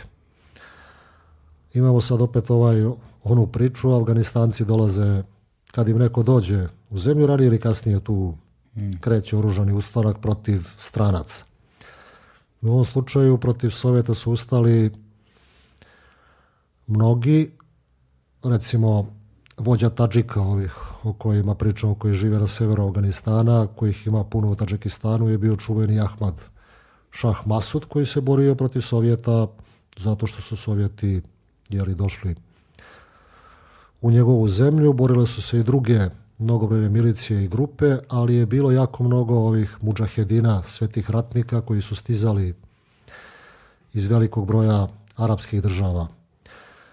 Opet kažem, finansirani najviše od Saudijske Arabije, verski indoktrinirani tom rigidnom verzijom islama koja korene ima u tom saudijskom vahabizmu. Mhm. Ve, vehab je zapravo jedno od onih... ili vehabije, svejedno, to je, pa to je verzija islama koja je dominantna u Saudijskoj Arabiji. Da, a vehab u prevodu znači osvetnik. Tako, tako nešto. Valjda je vehab jedno od 99 imena ja za to nisam siguran, ali... Možda grešim, ali... Nisam, nisam za to siguran. Ali u svakom slučaju to je dosta rigidna verzija islama koja, da kažemo i sa sa islamom kao takvim možda to će zvučati, njima bi sigurno zvučao kao bogohuljenje, ali previše je to, se tu u svoje vreme jednom rekao čak i za iransku verziju islama koja je mnogo blaža od saudijske kada je jedan 97. došao, pobedio u Iranu, digresija je predsjednik koji je bio iz tog verskog establishmenta, ali je pobedio nošen glasovima žena i mladih on je tad rekao mnogo je širi islam nego što pokušavaju da nam ga predstave. E to se može reći naravno za pre svega za ovu vrstu saudijskog saudijske verzije islama koja je preko tih verskih škola u Pakistanu finansiranih od strane Saudijske Arabije počela da se dosta radikalno širi u tom i onako nezgodnom području između Pakistana i Afganistana za koje, kažem, nikad nisu doživljavali, na primjer, paštuni koje ta granica deli na dva dela kao prirodnu granicu. E ti sveti ratnici muđahedini su dolazili u Afganistan da bi se borili protiv Sovjetskog saveza, vrlo trenirani da idu u sveti rat protiv nevernika, a tad je ima taj pojam ono veliki i mali satana koji se često koristio. Satana je tad bio Sovjetski savez. Šeitan. Da. Šeitan, komunistički, ateistički, pa su se oni borili jeli, protiv Sovjetskog saveza, protiv šeitana. I Ili kako još kažu, dušman. Dušmani. Dušmani, da. da, Dušman to je neprijatelj, naravno. da. Između ostalog, među tim borcima je bio i Osama Bin Laden, koji je iz tog čistog idealizma zbog Svetog rata otišao tamo, obučavan, borio se protiv Sovjeta i tamo naučio mnogo toga što je kasnije iskoristio. To je koordinisano preko pakistanske tajne službe ISI, Pakistana kao države, podupirano parama Saudijske Arabije, Sjedinih američkih država i na taj način Sovjetski savez u tih deset godina je ruinirao sebe i finansijski i moralno i na svaki drugi način tonuo je. Ima, ovaj- ima film ovaj jedan eh, dosta dobar koji sam davno gledao, zove se mislim Deveta četa. E, Devjati rot, ili tako kako se već kaže na ruskom, deveta četa koja govori zapravo o, tom ratu u, u Afganistanu i govori to je zapravo deveti četi koja je, e, koliko je zapravo taj rat bio kompleksan i koliko je taj, ne znam, gerilsko ratovanje sa Afganistancima bilo nemoguće, da su oni zapravo ostali tamo, ne znam koliko godina, nisu znali da je rat gotov. Znaš, potpuno svaka veza prekinuta, ono, nisu znali da je rat izgubljen. Vrlo zanimljiv film, trebalo bi da ga pogledaju ako nisu. da, ja mislim da je sad ovaj kolega Dragan po Ilić događaju, pisao, da, on je pisao da je sad na HBO zbog ovog što se dešava u Afganistanu da ima puno filmova, mislim da je pominjao i devetu četu da, da, može da, se da, moguće, na moguće, da. I to je čak više u ovo sadašnje vrijeme, mislim tad se raspadao Sovjetski savez i moje većih problema. Da. Ta trauma Afganistana kao nešto što je trajno ostalo najviše u, Rusiji, ali i u drugim delovima Sovjetskog saveza tadašnjeg je obrađivana puno u, u literaturi i u filmovima. I dosta interesantno, skoro sam naleteo kod Zahara Prilepina, mhm. sjajnog pisca ruskog, koji otprilike je živeo ono što piše, bio je izbacivač i ratovao i tako dalje i tako dalje. On opisuje u jednoj pripovenci svojoj, kad je radio kao izbacivač valjda u nekom klubu, da je u klub ušao čovjek koji je onako iz čistog mira počeo da divlja, da razbija sve okolo, da se tuče iz čistog mira i da su ga oni jedva izneli napolje i onda je neko rekao, ma ok, on je šoravi. Šoravi to je reč na farsiju koja označava sovjete. Aha. A u rečniku u Rusiji, tad mi je to bilo, nisam znao pre toga, ali on daje objašnjenje posle toga, Šoravi se odnosi na sve ove afganistanske veterane. Aha. ove koji su bili u Afganistanu. to je otprilike, kad kaže neko Šoravi, to je pusti čoveka, on je ima ovaj posttraumatski poremećaj kako bi da, ko zna šta je sve video. Ne, ko zna šta je video, ali kad se kaže Šoravi, zna se šta to podrazumijeva, kao što je ono što je bilo pokolji u Americi šta je bilo ono klasično, šta je bilo koliko puta, neko uzeo pušku i ispucao se na ulici, ubio toliko ljudi, posttraumatski poremeć je bio i u Vijetnamu da. pre toga. Ista je to vrsta traume i to i dan danas prati, kažem, puno to rusko društvo. Ali su Amerikanci u svom tom cilju uspjeli. Kažem, Sovjetski savez se povukao 89. godine, praktično se odmah posle toga raspao ne samo zbog Afganistana, bilo je to bezbroj stvari, ali to je bio neka vrsta glogovog koca mhm. za tu državu. Međutim, ovo kad govorimo o ovoj drugoj stvari, dakle ti sveti ratnici Mudžahedini. koji su došli sa svih strana, sam potpuno a negde sam u Sarajevu u nekoj džami pre desetak, 15 godina letao na knjigu čime naslov zainteresalo, zvala se Bošnja u Afganistanu se okrenuo kao da je prelista šta je kratko iza i to je bila ispovest čoveka, bosanskog muslimana, bošnjaka, koji je 80-ih našao sebe u islamu i otišao je kao dobrovoljac da se bori kao muđahedin u Afganistanu. Ti delovi, recimo 10-20% te knjige, ima neverovatnih, znači verovatno jedinstveno svedočenje takvih primjera iz Europe je sigurno bilo jako malo. Znači, bilo je iz arapskih zemalja i to, ali neko čoveka koji je imao odrastanje u onoj socijalističkoj Titovoj Jugoslaviji, u nekom trenutku u mladosti se okrenuo islamu i osjetio je kao svoj poziv da ode tamo. I on jeste bio muđahedin i jeste bio sveti ratnik, ali se razlikovao od svojih saboraca koji su dolazili iz Saudijske Arabije, Jordana, Emirata, zemalja zaljeva, Alžira ili šta znamo dakle ta njegova neka dragocena zapažanja u Afganistanu su meni bila neverovatna. Kao europski čovjek on je ipak imao je drugačiji, mislim ima, kad on opisuje, kad kaže čak i o društvu Afganistana, kao kaže, nikada nisam vidio zemlju u kojoj se žena manje poštuje. Kaže, ovdje je žena negde prike manje i od ovce. Takav je položaj u društvu. A kažem, vjerovatno nema zemlje na svetu gdje se više ljudi ubija zbog ženske časti. Sada ta tradicija krvne osvete koja postoji i uglavnom kao kod svih planinskih naroda, gorštaka, kako bi zvali, kod Brđana, svuda je to... Što bi rekli Ameri Highlandera. Ali ja više volim ovaj izraz Brđani, to je čast, poštenje, krvna osveta i sve ostalo što je postojalo u našim krajevima, pa polako iščezlo. na severu Albanije ga je dalje ima. Da, još uvek postoji mm. ponegde, na Kosovu također. I on kaže, oni su bio to neko četiri mužahedina, glavno su bili iz arapskih država i oni, bili su u neko selu, združili se sa lokalcima, dosta dugo su bili tu i jedan dan oni kad dođu naoružani do zuba i kažu, hoćete li vi s nama da napadnemo susedno selo? kao su oni muslimani, kao pa jesu, pa kao sarađuju sa šoravima, sa Rusima, Sovjetima, pa ne kao bore se protiv njih. Pa kao što da ih napadnemo.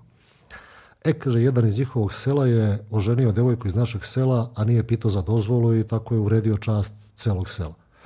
I mi moramo da idemo da speremo čast sela. Pri tom, znači, on nije na silu oženio tu devojku nije bilo ni napada, ni silovanja, ništa, ali nije pitao za dozvolu i čast je uređen. Oni kao, pa ne, mi nećemo mi zbog toga da idemo da napadamo muslimane i ljude koji se bore protiv Sovjeta, oni kao, ne, mi smo vas pitali da vas ne uredimo, vi ako nećete, nije nikakav problem. I on tu završava, kaže, napali su naravno susedno selo, ko zna koliko ljudi je ubijeno, onda su ovi susednog sela napali ovo, pa ko zna. I on kaže, verovatno, kaže, sigurno još i dalje ratuju zbog te krvne osvete, ali i kaže, to se neće stotinama godina završiti ti dubinski uvidi njegovi, ali je također imao jednu konstataciju, on kaže, posle nekoliko godina koje je u Afganistanu proveo, kada mogu da kažem da sam gotovo siguran da su Afganistanci najhrabriji ratnici na svetu. Mada to se kolokvijalno kaže za mnoge i za Gurke u Nepalu i za druge. Ali kaže, oni imaju jednu stvar, oni se rađaju sa oružjem, rastu sa oružjem i umiru sa oružjem. Ali iako su najhrabriji ratnici na svetu, pošto su najhrabriji ratnici na svetu, oni nikad neće izgubiti ni jedan rat, ali nikad neće ni pobediti ni u jednom ratu. E, tad je ono iz njegove perspektive, on kaže neće izgubiti rat zato što, pa što, kaže, nema nikoga ko je ušao u Afganistan i ko može da kaže da se podiči da je trajno dobio taj rat. To je ovo što pričamo i o Sovjetima i ovo što je sačekalo Amerikance. I što je pre toga sačekalo Britance. Britance, znači osim što imaju tu tradiciju, znači taj neki ponos, ovo je moja zemlja, znači taj način ratovanja gerilskog i ta svo vreme koje imaju pred sobom na svojoj zemlji, pa ako treba se ratuje 20 godina kao sa Amerikancima, nije problem. A svi osvajači na kraju shvate da ne mogu beskrajno dugo da ratuju mm. u toj zemlji. To je možda tu je Afganistan možda neki najrečitiji primjer kad govorimo da, i onda se vraćamo opet na Muđahedine. da, Sovjetski savez je tu poražen, uvučen u takav rat u kojoj je na jednoj strani imao domaće Afganistane, na s druge strane veliki broj ovih Muđahedina i također iz Pakistana je dolazilo mnogo onih koji su regrutovani, radikalizovani da se bore protiv Sovjeta, ali se ispostavilo, mislim, taj režim koji su Sovjeti podržavali Kasnije Rusija je potrajao još dve, tri godine, ali je vrlo brzo izbio krvavi građanski rat između svih onih koji su se borili protiv Sovjeta i koji je potrajao sljedećih 4-5 godina u kome je ono što je ostalo od zemlje praktično potpuno razrušeno. Kabul je bio, kažu, u totalnim ruševinama. I taj rat se vodio i po etničkim linijama, bezbroj milicija, grupa ovakvih, onakvih koje su se među sobom ujedinjavale, razjedinjavale, u svakom slučaju zemlja je bila u potpunom haosu. Onda su se talibani pojavili, tamo negde početkom 90-ih, kao grupacija studenti, što znači talibani u stvari. Taliban zapravo u prevodu znači student. Taleb je student, talibani su studenti. studenti. školovani i obučavani po tim medresama, verskim školama u graničnom pojasu između Pakistana i Afganistana – nikad zvanično priznato, ali potpuno pod pomagani od strane Pakistana kao države i njihove tajne službe, vrlo radikalizovani sa tom verzijom islama čiji su koreni u vehabizmu, jako radikalno. Sad kad taj islam i, i, taj vehabizam, tu možda možemo pomenemo i tu podelu na sune i šite i to prosto, da. pošto mislim da ljudi ne, generalno ne znaju te razlike. Pa hajde da ono i... Te elementarne samo neke podele da prosto objasnimo, možda će to ljudima biti kasnije jasno za neko drugo razumevanje nekih drugih pojmova. Kada kažemo islam, to je kao kad se pominje hrišćanstvo, to je jedinstvena vera sa istom svetom knjigom, Biblija je ista mm. i za pravoslavce, i za katolike, i za protestante, i za sve druge grupe, kao što je Kuran isti za sve muslimane. Međutim, vrlo brzo posle smrti poslanika Muhameda nastao je raskol oko toga koji je njegov pravi nasljednik i tu su trajale borbe u koje su se na kraju završile tako podjelom islama na te dve grane sunite i šite. Sunite ljude knjige koji su smatrali da je Abu Bekr kasnije ostale kalife da su pravi nasljednici Muhameda, dok su šiti smatrali da je pravi nasljednik poslanika Muhameda, ali i njegov zet i rođak koji je bio muž njegove čerke Fatime i da je to nasledstvo da ide samo po krvnoj liniji. A posle Muhameda, da, inače u tim pokušajima, borbama i ostalo na kraju je kao Ali posle četvrti kalifa svih muslimana, ali je ubrzo ubijen i ta podela je ostala trajna. Tako da šiti kojih ima manje, oni mislim negdje oko 10% čine svih muslimana. Oni smatraju da ta linija nasledna od Muhameda ide preko Alija, li njegovih potomaka, sinova Hasana i Huseina, koji su jedini krvni potomci proroka Muhameda i kasnije njihovih naslednika. A, jedina šitska država zvanična na svetu je Iran, gdje su šiti ogromna većina i ima ih naravno i u nekim drugim državama islamskim, ali su svuda manjina, u Bahreinu su jedino, da. U Bahreinu su mhm. većina, mada je tamo na vlasti je vladarska porodica pripada sunitima. U Afganistanu, ja mislim također da negde, mislim oko 15% je negde, teško je, mm razlikuju se cifra, ali oko 15% muslimana su šiti. Inače u Afganistanu 90, preko 99 od 100 stanovnika su muslimani, ono nešto malo što ima to su hindusi i nešto malo pripadnika ostalih vera, ali to je zanemarljivo malo, to se broji sa stotinama ili par hiljada. Tako da su suniti većina, ali sad te podele u Afganistanu idu i po ovim, a teško je to reći. Znači prva osnovna jedinica to je porodica, to tradicionalnom društvu i porodica je svetinja što ne znači naravno da kad kažemo da kad dođe do podele i priče imaju paštuni i to je dosta u Afganistanu kao postoje tri z zbog čega ide glava, odnosno gubi se život, to su zan, zardi, zamin, to su tri perske reči, koje, tri reči na farsiju koje znače zemlja, žena i zlato. Mhm. Tako da je recimo i u okviru iste porodice kad dođe do podele oko zemlje, mislim nije to specifično samo za Afganistan, znamo i kod nas, kako se kaže, šta je bilo, što su se braća pokrovila pa oko imovine. E. Kad je dele ceo život ono super, pa kad dođe oko imovine. Dakle, kako, kaže, moja komšinica, kaže jebala i zemlja, bit će im puna usta zemlje svima kada umru. što je tačno, potpuno, ali, ali nažalost ne menja činjenicu da kad dođe do imovine onda pucaju i veze i najbliže krvne veze mm. i srećom manje manje često nego ranije se to dešava kod nas, ali to je to. Mm. Dakle, osnovna jedinica je porodica i tu je porodica vrlo jaka jedinica, svetinja je, te porodične veze su izuzetno jake. Pa onda možemo da kažemo neka šira porodica, pa pleme u nekom užem smislu, a, hajde da kažemo pod pleme, pa veće pleme, pa narod, to bi zapravo bili klanovi pa pleme. Ajde, da kažemo klanovi pa pleme. Da, da. Ali te podele su, odnosno ima ih bezbroj. Mm. Ove neke osnovne, kad i kažem, ajde, narodi... U, u je vrlo slično, pa zato, da, da, da, da, to je to. Ovamo kad, kad bi vukli neku širu podelu, to bi bili paštuni, kad, na tom nivou što se tiče naroda, paštuni, pomenulo sam četrde oko 40%, mm. tađici oko 25%, oko 10% Hazara i Uzbeka, nešto Turkmena oko 3% i ovih ostalih u mnogo manjem broju.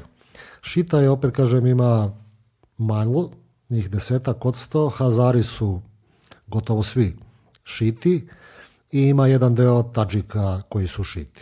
Mhm. E, u nekim normalnim okolnostima to i nije važno je, ali nije toliko u miru, ali u ovih 40 godina rata te podele i klanovske i nacionalne i sve druge, pa i verske su postale jako važne. A ova verzija vehabizma, mislim, imamo već jako dugo tu podelu u muslimanskom svetu koja je i politička i agura se preko ove verske gde su među najmoćnijim državama na Bliskom i Srednjem istoku dva neprijatelja, to su Saudijska Arabija i Iran. Saudijska Arabija u kojoj su dva sveta mesta svih muslimana – Meka i Medina, gde se ide na hađ, odnosno hodočašće, gde idu svi muslimani, bez obzira da li su šiti i suniti.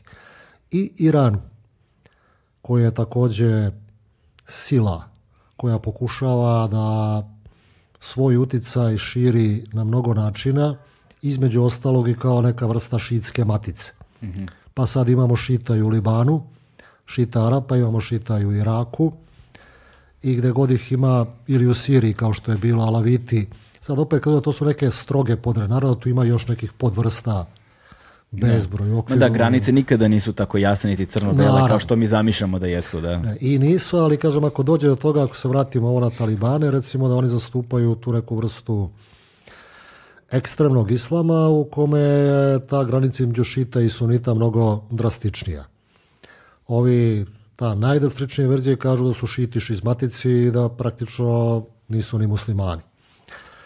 Ovi talibani sada tvrde da nisu toliko, ovi 2.0 talibani koji sad uzeli vlast, da nisu toliko tvrdokorni kao oni prethodni, čija meta su vrlo često bili i Hazari. Da, Hazari se inače razlikuju i izgledom, zato što imaju malo iskošene oči, imaju te centralnoazijske i dalje istočne fizionomije, tako da se fizički dosta razlikuju, osim što su šiti. Tako da kažem, ta podela talibani smatraju da oni i u ovo prvoj inkarnaciji, prvi put kad su bili na vlasti, oni su proganjali jako mnogo i Hazare i zbog tog šizma i zbog svega ostalog.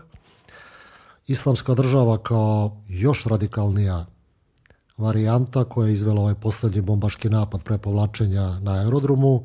Pre toga je izvodila jako mnogo terorističkih napada i udara na šitske džamije i okupljanja, mada je ta granica između Talibana i islamske države jako nejasna. Mhm. No, kažem, Talibani kad su došli zbog te verzije, to je, možemo kažemo, tvrdokorna verzija, glupo je reći sunitskog islama, ali saudijskog tog vehabizma i oni su je da. preuzeli tada prvi put kada su došli na vlast. Kada su se i kako formili oni zapravo? Ovaj, to je dakle, nakon, nakon odlaska Sovjetskog saveza. Izbija građanski rat, rekli smo. Počinje građanski rat između tih različitih grupa.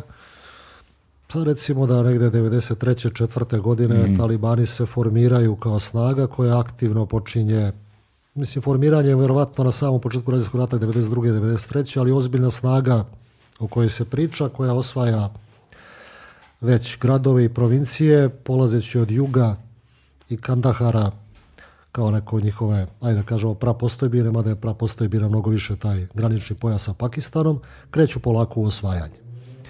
96. godine u septembru oni osvajaju Kabul. Podržani od Pakistana, jedine tri države koje ih priznaju su Pakistan, Saudijska Arabija i Ujedini Arapski Emirati.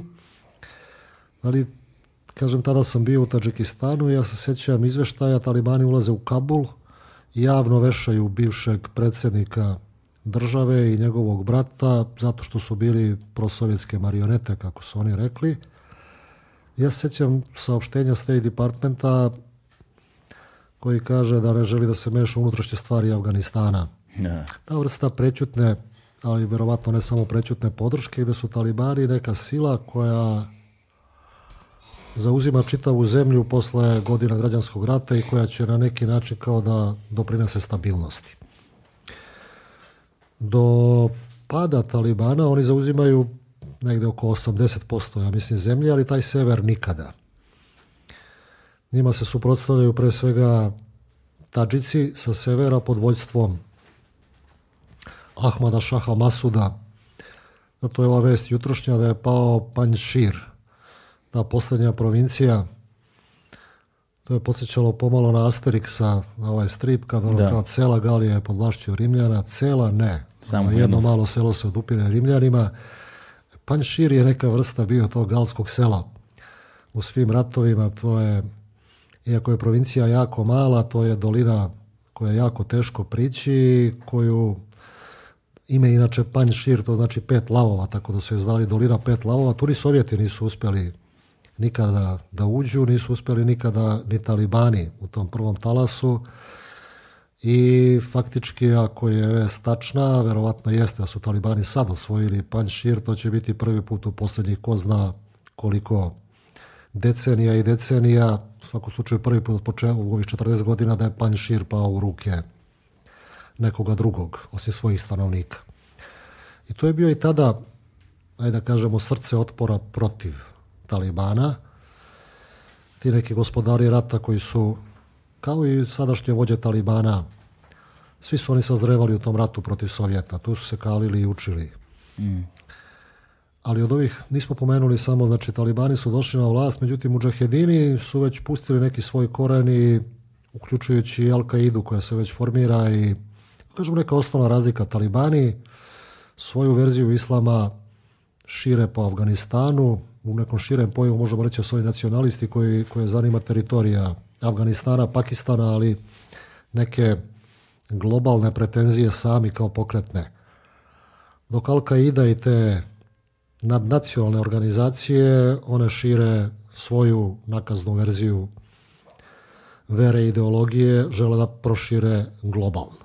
mm Da, to bi neka osnovna razlika. To bi neka osnovna razlika bila. Ali kada talibani osvajaju vlast u Afganistanu, oni blisko tada već sarađuju i daju i utočište i podršku Al-Kaidi koju nominalno predvodi tada Osama Bin Laden.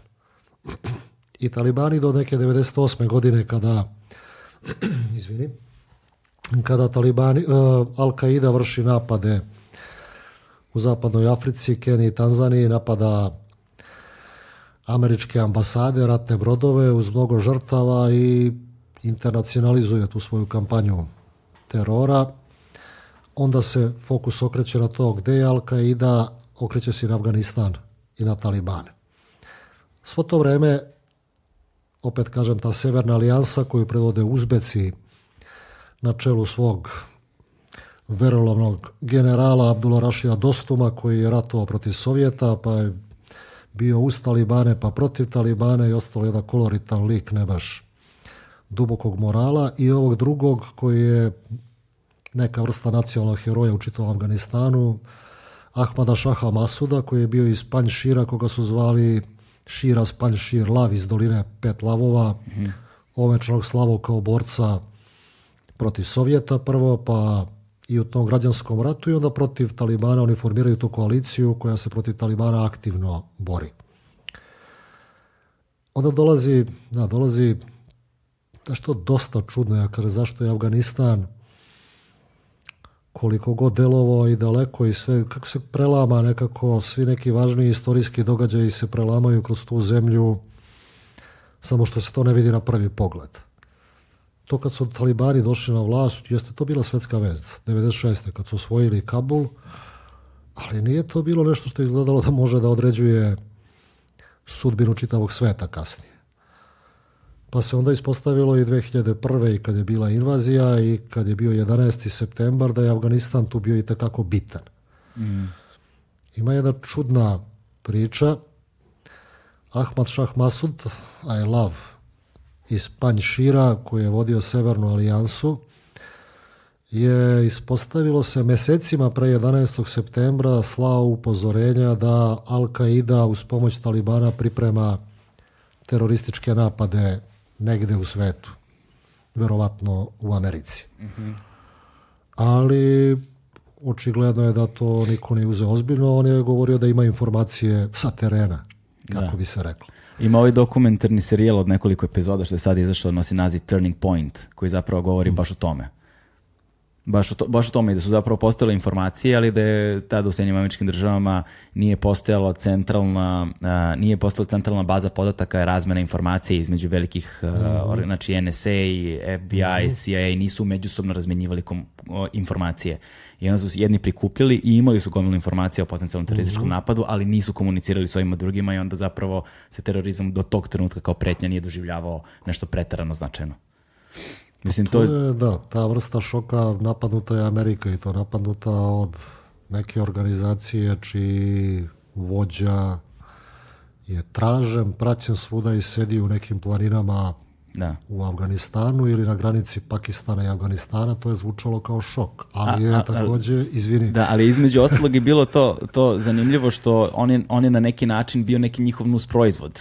Naravno da je. Finansiranjem, oružje, na, naoružavanjem i tako dalje. I onda im je malo bila nemoguća situacija u kojoj neko koga su oni finansirali, stvarali, podržavali u borbi protiv Sovjeta, se sad okreće protiv njih. Pa ne samo, nego čitav taj ogromni pokret ono, protiv da. Sovjeta, znači pobeđen je, kako su rekli, mali satana, da, da. Sovjetski savez se raspao na kolenima i onda se okrećemo velikom satani koji je također i bezbožan i neveran, to je, to su odnosno zapad. Zapadni svet. zapadni da. kao sa Amerikom. Na čelu. Kao, na čelu sa, kao simbolom. Mm-hmm. I onda to okretanje čita kratkovida politika. Stvorili smo ekstremiste da bi uništili Sovjetski savez. Pa ti ekstremisti ostaju ekstremisti, znači oni nisu nestali. Da. Samo su promenili svoju metu, a ta meta je postala nešto drugačija. I onda je taj kao i razvoj Talibana koji su podržali smo Talibane makar prećutno, a verovatno preko Pakistana i Saudijske Arabije i ovako i onako i mnogo aktivnije. E onda kad su ti Talibani postali što jesu, kao sad ćemo se boriti protiv njih. Mm. Mislim sad ono, vratit ćemo se kasnije to kao što je sad, ba dobro, nisu talibani dobri, sad već ono kao loši su to momci, ali nisu toliko loši kao islamska država, pa će talibani sada se bore sa islamskom državom. Mislim, ekstremistima protiv ekstremista. Mislim, ali mi ono što je interesantno da je Šah Masud tada imao informaciju da se napad sprema u severnom Afganistanu, znači sa terena. Međutim, 9. septembra, dva dana pre napada na New York, tri nazovi novinara su došla da intervjuišu Masuda. Ispostavilo se da su u kamerama i magnetofonu imali skrivene bombe koje su aktivirali. To su bili bombaši samoubice i ubili su i sebe i Masuda. I ono što je dosta također interesantno, ta samoubilačka taktika žrtvovanja nije to uobičajeno bilo u Afganistanu. Ja mislim da je to ovo ubistvo Masuda, da je to stiže praktično tek kasnije uvezeno sa muđahedinima, kasnije sa Al-Qaidom i da se tek tako širi.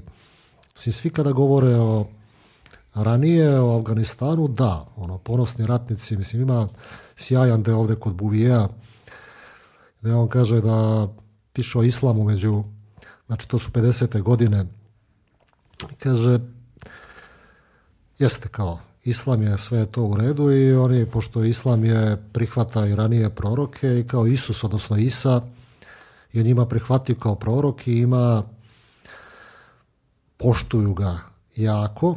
Da, i Mojsija isto, naravno, on i Musa.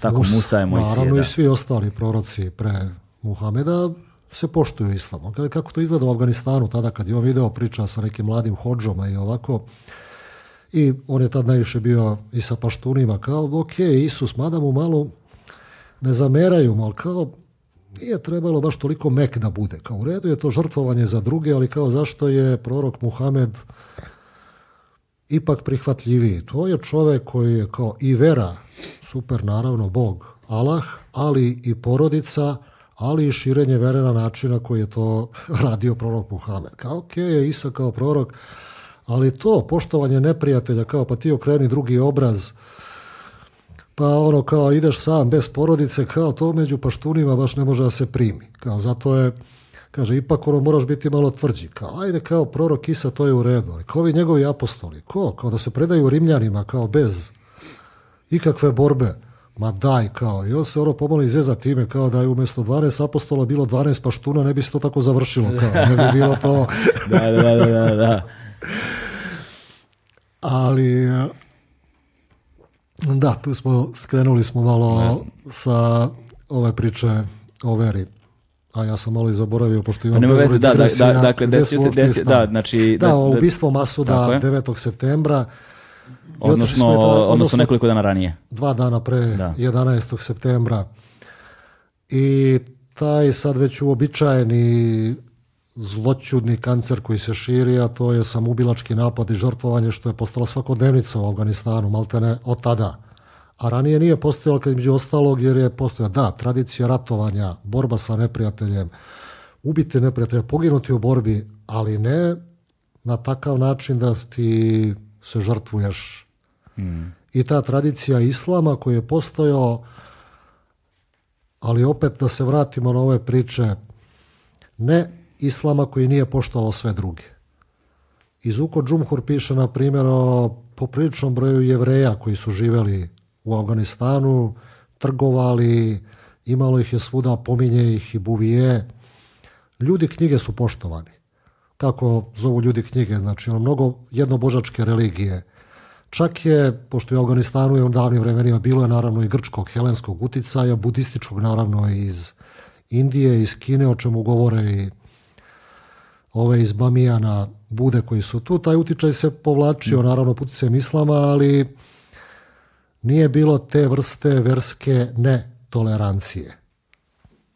Kakva se zapatila početkom ovih ratova i ono što danas vidimo. Znači, mnogo širo je bilo shvatanje vere od ovoga što je kasnije došlo i širilo se poput traka, poput nekih zloćudnih ćelija i još uvek se širi. I ta tolerancija prema da, znači okupatori ne, tu ćemo se boriti, ali ovo što kaže Buvije, stranci, putnici, bez ikakvih problema. Ovo što su pominjali svi oni koji su bili pre ovoga, da. Da. Da, ono, ima isto sjajan jedan opis kao on putuje iz Kabula na sever Buvije i kaže dolazi moraš da imaš da bi prešao Hindu Kuš koji kao deli od severa, moraš da izvadiš neku posebnu dozvolu. I kaže, odeš u policiju i potrebno da imaš jak razlog da bi išao. Ja kažem, hoću da putujem i da vidim sever zemlje i kaže, dobijem pečat odmah, pošto se to računa, pošto su dosta ih ima i nomada i putnika i to se računa u dovoljno jak razlog. Ništa drugoga nisu pitali za to. E opet kažem, onda se to, nažalost, zbog svega ovoga što se dešava i zadnjih 40 godina, to se gubilo i nestalo je zatrpano u tim sećanjima. Ali da se vratimo, nažalost, opet na rat, da, Šah Masud je ubijen 9. septembra, Al-Qaida je izvršila te udare 11. septembra na Ameriku, ima jedan ono, vic koji je deo crnog humora da su Đorđa Buša mlađeg, da je on kad se to desilo, ne baš čuvenog po poznavanju sveta i da ne kažem inteligenciji, da je on pitao koliko je bilo 17 ili 19 ovih samoubica koji su letili avioni, da je on pitao dakle su ovih 19, koji su rekli valjda 15 ili 16 iz Saudijske Arabije. A ovi drugi, pa kao trojica iz Ujedinih Arabskih Emirata, a ovaj posljednji kao iz Egipta, kao dobro napašćemo Afganistan. to jeste malo kao crni humor, jeste to Mislim, obično je to kao neka starozavetna osveta kad se takve stvari dese, naročito velikim silama, onda se reaguje brzo u tim osvetničkim pohodima, tako da je Afganistan napadnut veoma brzo posle toga. Jedan kad govorimo sad opet o talibanima, Afganistan je pao praktično, mislim i Irak je kasnije pao i 1991. gotovo bez borbe, raspala se vojska, međutim talibani su Prvo, sigurno su znali da će biti napadnuti jer su te izjave o napadu, osveti dolazile danonoćno. Oni su se povukli u brda i prepustili vlast ono, bez borbe. Tako da su Amerikanci, to je ovih dana mnogo svedočenja, ima moj kolega Milan Milošević je pratio više tekstova u vremenu, kaže da su se veterani Sovjetskog rata smejali gledajući što Amerikanci rade 2001. odnosno kako rade gotovo istu stvar koju su oni napravili u Afganistanu i kako srljaju u nešto što nije moglo da ima drugačiji rezultat. Uglavnom, Talibani su nominalno pali sa vlasti, Amerikanci su pod izgovorom borbe protiv terorizma uleteli u tu zemlju, okupirali je, i ostali su tu ovih 20 godina. Ciljevi koji su oni tad propagirali, demokratizacija društva, izgradnja nacije, nove države. E, ali tu je, izvinu, tu je fora, koliko sam ja razumio, oni zapravo nisu imali konkretan cilj šta treba da urade u trenutku kada osvoje. Da je zapravo konkretnih, jasnih ciljeva šta treba da se desi sa nakon invazije na Afganistan, oni tu nije postao konsenzus među njima, ni oni nisu znali šta hoće s time, osim da se osvete za Al-Qaidu. Pa kažemo prva stvar, to je, prva stvar je osveta, ono velika sila, kao što je kad je bio onaj napad, valjda u Bataklanu, gdje li... Da, Boko Haram. Ne Bataklan, izvini, Bataklan je ISIS. U... ISIS. I onda je sutradan je francuska avijacija bombardovala Raku koju je ISIS držao uz bezbrojne civilne žrtve jer su se ovi naravno povukli, znali su da će biti bombardovanja. To je ta vrsta ono starozavetne, besmislene osvete. I to su prilike isto može reći za Afganistan. I jako mnogo pričajući sa ljudima, nije da nije bilo olakšanja. Znači, talibani su u tih pet godina se popeli na glavu zaista mnogima i tim svojim surovim načinom vladanja i drakonskom verzijom islama koju su zaveli mnogim pokoljima koji su počinili. Tako da je veliki deo Afganistanaca sačekao to kao neku vrstu oslobođenja. Mm. Kad pričamo o tom severu i o Panjširu koji je za koji se priča da jutro spao, tamo su i cija i osnovni neke, i prve neke jedinice koje su ulazile su došle u Panjširt, u dolinu, koja je sad posljednja pala kao neko gnezdo otpora, dakle se to kasnije širilo. Da, Amerikanci su u stvari morali helikopterima ono da dolaze da, svi, tako? Zato što je zemlja okovana, ono, nalazi se na, geografski na vrlo specifičnoj poziciji, a oko ono je Pakistan, Indija, Kina, Turkmenistan, Uzbekistan, naš nema... Bez, bez Indije. Bez Ali Indije, je, da. Mislim, praktično je ceo svet ono dao podršku zbog onoga što se desilo. Mhm. Mnogo je u sled, narednim godinama i opreme i vojske prolazilo, na primjer, preko, uz naravno dozvolu i Rusije i preko baza u Uzbekistanu, pa Tadžikistanu, čak i Iran šitski Iran, kome su talibani kao takva tvrdokorna organizacija također bili neprijatelji, gotovo svi su podržali. mm Međutim, nažalost, ono što je usledilo pokazalo je prvo ovo, ako je bilo neznanje, a bilo je neznanje sigurno, da je to dalo katastrofalne posljedice. To okupiranje zemlje, ono što se poslije toga dešavalo, ogromna količina novca koja je u Afganistan sručena da bi samo kroz Afganistan prošla i vratila se Americi, međunarodnim organizacijama i tako dalje. Način na koji je ono što smo rekli, znači prvo borba protiv terorizma koja je rezultirala i tim zloglasnim zatvorom Bagram, a, gdje je bio i najveća vojna baza i aerodrom, hapšenjem ljudi, onako, redom pod optužbama, nerazumevanjem i zemlje i tih nijansi koje u zemlji postoje, optužbi ljudi za terorizam, upotrebom dronova, neselektivnim bombardovanjem sa ogromnim brojem civilnih žrtava i žena i dece i civila uopšte, sve to je rezultiralo da ne, ne mogu da kažem podrška okupaciji, nego da to godinama i godinama to prisustvo i Amerikanaca i drugih ovih sila postaje besmislenije, pogotovo zato što taj glavni cilj kao, ok, nema Bin Ladena koji je ubijen i nađe inače u Pakistanu kasnije, ali talibani nisu nestali. A kad pričamo, znači sa ljudima s kojima sam pričao, recimo da su strane, a strana vojska je držala velike gradove. Drži Kabul i Kandahar, Danju, ovo što svi kažu, noć pripada talibanima i putevi pripadaju talibanima. Pa kad se putuje od Kabula do Kandahara, onda mora ko zna koliko helikoptera i bornih kola da prati bilo koga koji ide tim putem. Konvoj, jer je konvoj, što opet kažemo stvara neku vrstu okupacione sile koja živi u toj zemlji, ali nema kontakt mm. sa tom zemljom.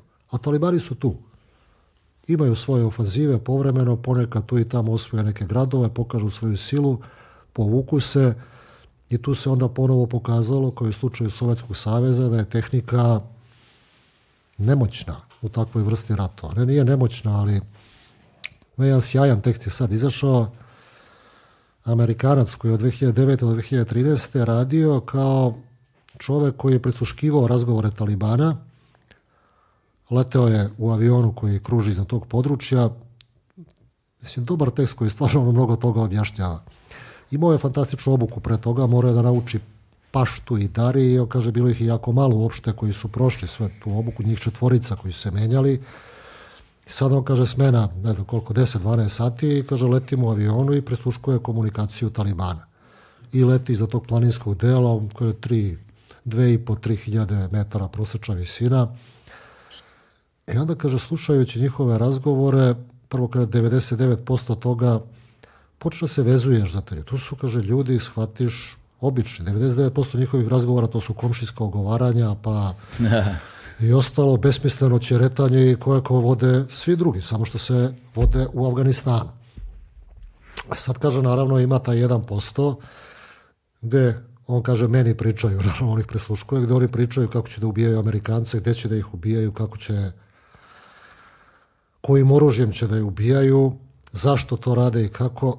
Kaže, ima čak i zezanja na račun džihada, kaže. Počne se smeješ, kaže. Slušam, kaže, razgovori, ovaj, kaže, otprilike, kaže, noć je, napolje je minus beskonačno, kaže, ja znam da je dole planina koja je minus beskonačno i jedan taliban zove drugoga i kaže, brate, ajde, idi siđi na put, da postaviš mine pored puta. A, kaže, ne mogu, brate. Kao, zašto, brate? Pa hladno je. Ja, kaže, brate, ali Amerikanci rano ujutru prolaze tim putem, ako ne postaviš mine, neću ne ubiti Amerikanci. Ja, kaže, razumem, brate, ali hladno je. kaže, brate, ali mi moramo da vodimo džihad. A kaže, brate, hladno je iza džihad. Ja, kaže, ja ga slušam gore u avionu i kaže, izvrnem se od smeha. Ja da ih slušam, kaže, još pratim, kaže, borbene emisije koje su nastale na osnovu toga i, kaže, dolaziš do onog besmisla, ti shvatiš da ono gađaju jednog čoveka bombom od hiljadu kilograma. I pominje još da je dobio utisak i on i svi ovi koji rade, da to je neka onog dana mrmota, da stalno rade isto. I onda kaže, imaš utisak da stalno osvajamo isto selo i maltene da slušaš, prisluškuješ iste ljude, čak i one iste koje su poginuli. A onda posle nekoliko godina shvatiš da to jeste isto. Da to neko selo ili neko važno strateško mesto koje su osvojili u teškoj bici protiv Talibana, da su morali da ga napuste posle dva, tri meseca, pa da je posle 5-6 meseci ponovo osvajaju isto mesto i da to ide ponovo i ponovo. A da on kaže da, ali kaže Talibani se onda vrate svojim kućama. A naše kuće su hiljada milja daleko je možda najmoćnija rečenica, kaže na kraju sam shvatio što su mi talibani govorili sve vreme, nešto što većina drugih nije htjela čuje, ja sam čuo na kraju ovo je naša zemlja. I ta, mislim, to je ono negdje osnovno. Ovo su naša brda i mi imamo vremena. To je ono što je sačekalo Amerikance u sav, znači uz svutu tu sručenu količinu novca u obuku i ostalo, taj beskrajni rat sa Sovjetima izgledalo to jako dugo, deset godina. Sa Amerikancima 20 godina. I verovatno je moglo još 20. A na kraju iz te zemlje svaka sila, pošto nijedna ne može beskrajno dugo da ostane. I na kraju krajnji cilj, ono, 2001. godine izgradnja novog afganistanskog društva, nula. Neki putevi su izgrađeni, da, žene su dobile pravo kao mogu da se školuju, ukinute su te stroge restrikcije koje su talibani radili, ali kako sam čuo kako je pričala jedna žena koja je radila na televiziji, da, kaže kad gledaš televiziju u Afganistanu to izgleda super slobodno, marame zabače, ne moraš da nosiš kao, wow, ženska prava su super, ali hajde izađe na ulicu, tako. Ne možeš ni zbog porodice, ni zbog toga što će, ne znaš šta će se desiti preko noći kada dođu talibani i onako si označen da kao izdajnik, žena si koja ne poštuje običaje, neće da nosi maramu, a kamoli burku ili hijab, radiš na državnoj televiziji, a država je izdajnička, samim tim si meta, pa nećeš ići slobodno takvim ulicama da se pokazuješ i da više, još, više privlačiš pažnju. A s druge strane, kažu, onda gledate iransku državnu televiziju gdje se strogo poštuje ono oblačenje, ne vidi se ni dlaka na glavi i ostalo, to je tako na televiziji, onda izađete na ulicu i vidite žene kojima je marama modi detalji, i našminkane i šatirane i sve drugo. Sa 20, to je možda dobra ilustracija, 20 godina stvaranja neke lažne slike, da si nešto uradio. Mhm. A ta lažna slika pala je ovog trenutka kad su se Amerikanci povukli.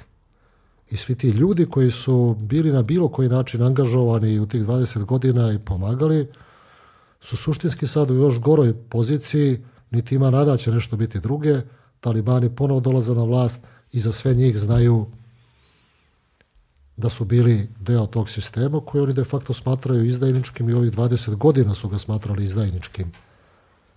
A to je vrlo širok pojav šta je izdaja. Nije to samo da si ratovao protiv Talibana, nije to samo da si bio visoki državni činovnik. Ti izdajnik možeš da budeš iako ako si radio za neku firmu kao radnik, jer si radio za državu koja sarađuje sa strancima, koji su bezbožnici, pa si samim tim i država je izdajnička i bezbožnička, pa ako si bilo kakav državnički posao, posao za državu radio, možda ne danas, ali sutra, ti možeš biti označen kao neko ko je izdajnik i protivnik islama. E, ta izgradnja društva, kažem, borba protiv terorizma kao cilj, da, Al-Qaida je potisnuta iz Afganistana u nekoj većoj meri, ali se zato u nekim drugim oblicima rasejala po drugim državama. Znači kao voda koju pritisneš na jedno kraju poda na drugo. Zato je došla islamska država da. A iz druge strane te... i Siriji kasnije. Pa da, zato te, sad ti, znaš, ranije je bila samo Al-Qaida, ona negde kao žiži javnosti, otprilike možda, ne znam, sad nisam stručnjak pa ne mogu da kažem koliko tih ekstremističkih organizacija bilo, u to vreme smo znali za Al-Qaidu, ali evo sada, kad posmetaš po svetu ih ima na ovaj ili onaj način sa istim idejama, dosta. Ima i Boko Haram, ima i Al-Shabaab, ima ih... I znači, Somalija, i Nigerija, i tako dalje. I ono što je vrlo interesantno da su baš svuda, ali baš svuda gde, su, gde, postoje te jače ekstremističke grupe, da je pobeda, de facto pobeda Talibana nad Amerikancima u Afganistanu proslavljena. Da. Vrlo proslavljena i negde motivacija i simbol da zapravo veliki neprijatelj može to, bude savladan. Može da bude savladan čak i ako si mnogo slabiji. I to nije bilo koji veliki neprijatelj. To je najveći. Najveći, i najmoćniji. Na, tehnološki, na svaki, način. I to je velike rasprave koje postoje, ali to je sigurno će to dati krila ekstremističkim rupama bilo gde. I sad posle 20 godina kao šta si uradio, predao si vlast, ali apsolutnu vlast kako nisu imali svojim neprijateljima zbog kojih si kao to zemlju ušao, pokušavaš da se opravdaš da to nisu isti talibani kao što su bili. Ok, Amerika je procijenila zbog a najgore od svega isti oni, najgore od svega isti oni talibani koji si pomogao da budu stvoreni. I kojima si također, da. da. To je tako da taj neki začarani krug u kome opet, ajde se manemo svjetske politike, ostaje tih 39 miliona stanovnika Afganistana, prepuštenih ovog puta zaista samima sebi. I to su one slike i prizori koje gledamo ovih dana. Da. I ono pitanje zašto, čega se plaše, pa znaju u čemu su živeli. Mislim, posle 42 godine, često kažem, jako malo je ljudi ostalo u Afganistanu koji se uopšte sećaju doba kad u toj zemlji nije bio rat. Ako neko sećanje aktivno poče sa pet godina, onda znači da niko ko je mlađi od 47 godina u toj zemlji se ne sjeća doba kada se u Afganistanu nije ratovalo. Da. A to je ljudi ne mogu, da, ljudi ne mogu da zamisle kako izgleda, ljudi ne mogu ni da zamisle susret sa nekime ko celog svog svesnog života zna isključivo za rat. Možda kao ideja negde je nešto što misle da mogu da zamisle, ali zapravo dok ne dođu do susreta sa takvom osobom, da vide, osete psihološku konstituciju takvog čoveka. Ne mogu da zamisle. Ja, nažalost, imam i članove porodice, to i Somalije, koji, da. znaš, koji imaju 25-30 godina, koji od dana kada su rođeni znaju samo za rat, ne znaju ništa drugo. Znaš, i onda su uspeli da pređu ovaj, mm. u izbjeglište, onda, onda se na nekim poričnim okupljenjima sretnemo. Znaš, ti vidiš u susretima sa njima, znači, komunikacija je veoma teška na mnogim nivoima. Kao s jedne strane, tu smo, našli smo, a s druge strane, nemate puno toga zajedničkog, znaš, za razgovor na bilo kom nivou, to su, to su sudbine, to su iskustva, to su sećanja i tragedije koje ovaj, je teško pretočiti u reči. Sad zamisli, znaš, ono, spakuješ 39 miliona stanovnika sa takvim jednim iskustvom i to je nešto, i sada ova, i sad ova situacija u kojoj su oni prepušteni u potpunosti sami sebi je zaista, ono, to je velika tra tragedija. Kad kažem prepušteni sami sebi, ovo kad pričamo o proksi ratovima, koje sve ratova, znači u Afganistanu su ratovali i Sovjetski savez i Amerika i Pakistan i Saudijska Arabija i Iran i ko zna ko sve još i zato to jeste proksi rat, ali su Afganistanci naravno ginuli u najvećim brojima posljedice. Sad kad kažem prepušteni sami sebi, to u stvari faktički znači da je svako obezbedio prvo svoj interes, što je opet i logično sa gledišta velikih sila. Amerikanci se povlače zbog toga što im to više ne odgovara. Izvukli su se. Rusija je pojačala svoje granice prema, odnosno granice Uzbekistana i Tadžikistana, verovatno također praveći neki dogovor s talibanima kao i Amerikanci o kome se ne zna mnogo. Kinezi su također razgovarali s talibanima još kad se videlo šta će se to desiti, kao i Iran. Pakistan, da ne govorimo. Mm. Znači on verovatno ono, ima, drži potpuno leđa i ovim sadašnjim talibanima. A ovi ljudi unutra, šta sada? Znači, to stoji obećanje, ne, kao sve je završeno, ratovi su završeni i talibani koji ratuju Znači ove 42 godine ne ovi isti, ali ono rađani, vođe odgajane u tom ratu, se onako smeše, ja bih rekao cinično i kažu, ma ne, ovo počinje era mira, sve je zaboravljeno, nema veze ko je bio na kojoj strani. A s druge strane to deluje kad pričamo o ovim osvetama i ostalo, tamo se niti se šta zaboravlja, niti se šta prašta. Da. Znači, prvo to je deo, ajde da kažemo, te tradicije, a drugo to zla krv koja se nakupi jako, jako teško se ispiram i vidimo ovde strašnih četiri godine rata kakav je bio, koji se završio posljednji, znači 95. u Bosni, 99. na Kosovu, znači od rata na Kosovu 22 godine, od rata u Bosni 96 godina. 96 godine, da. Da, 26 godina. I ovdje se o tim ratovima je kao da su se juče završili. Mm. Na svim stranama ali bukvalno, znači možda ne u Sloveniji, ono, nešto malo manje, ali Hrvatska, Bosna, Srbija, Crna Gora, kao je to juče bilo to je... U velikoj znači, meri se u našim životima oni još uvijek nisu završili. Upravo to. I znači, mediji se U intimnim bavili, životima i, i I ljudi, i svi, i, i političkim Toliko. A u poređenju sa ovim što je tamo, to je stvarno zaista. I sad, znači tim ljudima ostaje jedna nada, ako je nada. Mislim, ima neko je od Afganistanaca rekao kao sad je najvažnije preživeti. A to preživeti znači nada da ta represija i osveta do koje će sigurno doći samo da ne bude masovna od strane Talibana. A način života se naravno drastično menja.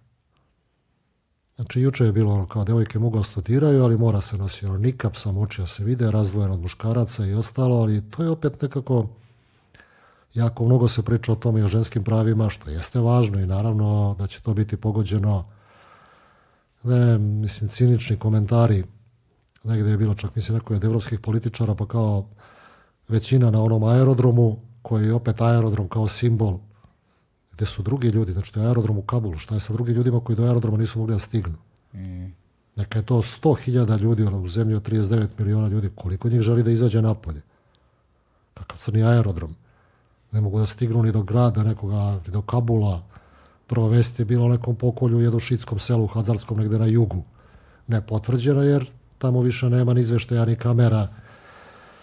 I da, onda kažem, tako da ta, naravno da su ta ženska prava važna, ali osveta, represija, ako krene masovna pogubljenja i ostalo, kako to ide, to će biti prvo usmereno prema onima koji se borili protiv Talibana, bili ovde, onde i ostalo, biti prepušteno milost i nemilost neprijatelju da. protiv koga se boriš 30 i kusur godina, to sigurno nije laka sudbina. To je dakle, ono možda simbolički, ali najciničnije prvo kad su zauzeli Kabul, talibani su ono išli po kućama i zvali ljude civile da predaju oružje. To onako s zvuči kad bi se gledalo u mirnom svetu, pa ok, evo, sad je pod našom vlašću, nemate potrebe da imate oružje, jer ćemo vas mi braniti. S druge strane, ja mislim da je potekst onako poruka, onako širenje straha i neka poruka za budućnost. Predajte oružje, naravno da neće svi predati i sve. Predajte oružje, mi smo tu. Sad smo mi tu, pa ćemo mi vidjeti šta ćemo sa vama. I to je, bojim se, u ovom trenutku završna reč koja nema onoga što se u Afganistanu dešava.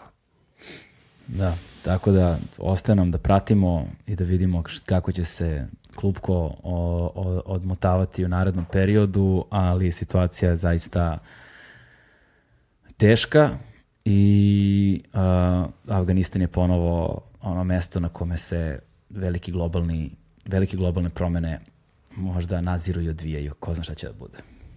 A nažalost da, ali bar u ovom prvom periodu utihnuće kamere i Afganistane to se i sad vidi kada od prve vesti polako pada na drugo, treće, peto i mhm. deseto mesto. Možda je prejak izraz da mrak pada nad Afganistan, ali dan, dva ili mjesec no. u istoriji bilo koje zemlje ne znači ništa, treba pratiti godinama. Tako je. I to je ono što, što sam negde, ne, da li sam gledao sad ovim nekim serijalima, u nekom od ovih serijala koje sam posmatrao, gledao ovih dana, koji se bave ali Afganistanom neko je lepo rekao, kaže, da najveći strah njihove je sada će oči, oči sveta više neće biti uprte u nas. to je ono, neće više biti vesti, neće više biti kamera, neće više biti tih ono globalnih informacija na taj način i sekunde kada svet okrene leđa, ono, oni ostaju tu, ko zna šta će se da se desi, vidjet ćemo.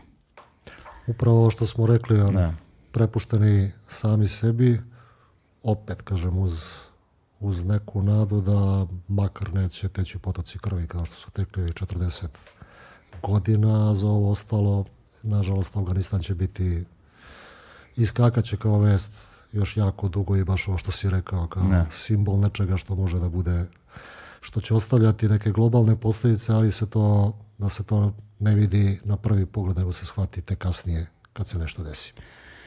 Uh, ah, volio bih da smo mogli da završimo neku veseliju notu ovaj razgovor, ali to nažalost nije moguće sa ovakvim temama, ovaj, a, nije ni pametno. A, hvala ti puno na vremenu, znam da si veoma zauzet i da te čeka mm. redakcija koju moraš sad da se vratiš. Ovaj, hvala ti još jednom, kažem ti, na izvojnom vremenu, na trudu, trudu volji i strpljenju ovaj, na ovom divnom razgovoru na svim informacijama koje si podelio sa nama i nadam se da ćemo se sljedeći put vidjeti nekom srećnijom, zbog neke srećne okolnosti, ali ko zna šta nas čeka sutra. Hvala ti još jednom. Hvala puno na pozivu i ja se nadam da je sve ovo što sam pričao makar malo pomoglo no. onima koji o ovoj zemlji znaju malo da saznaju nešto više i iz nekog drugog ugla. Ne, hvala ti puno, to je to. Stigli smo do kraja. Ćao.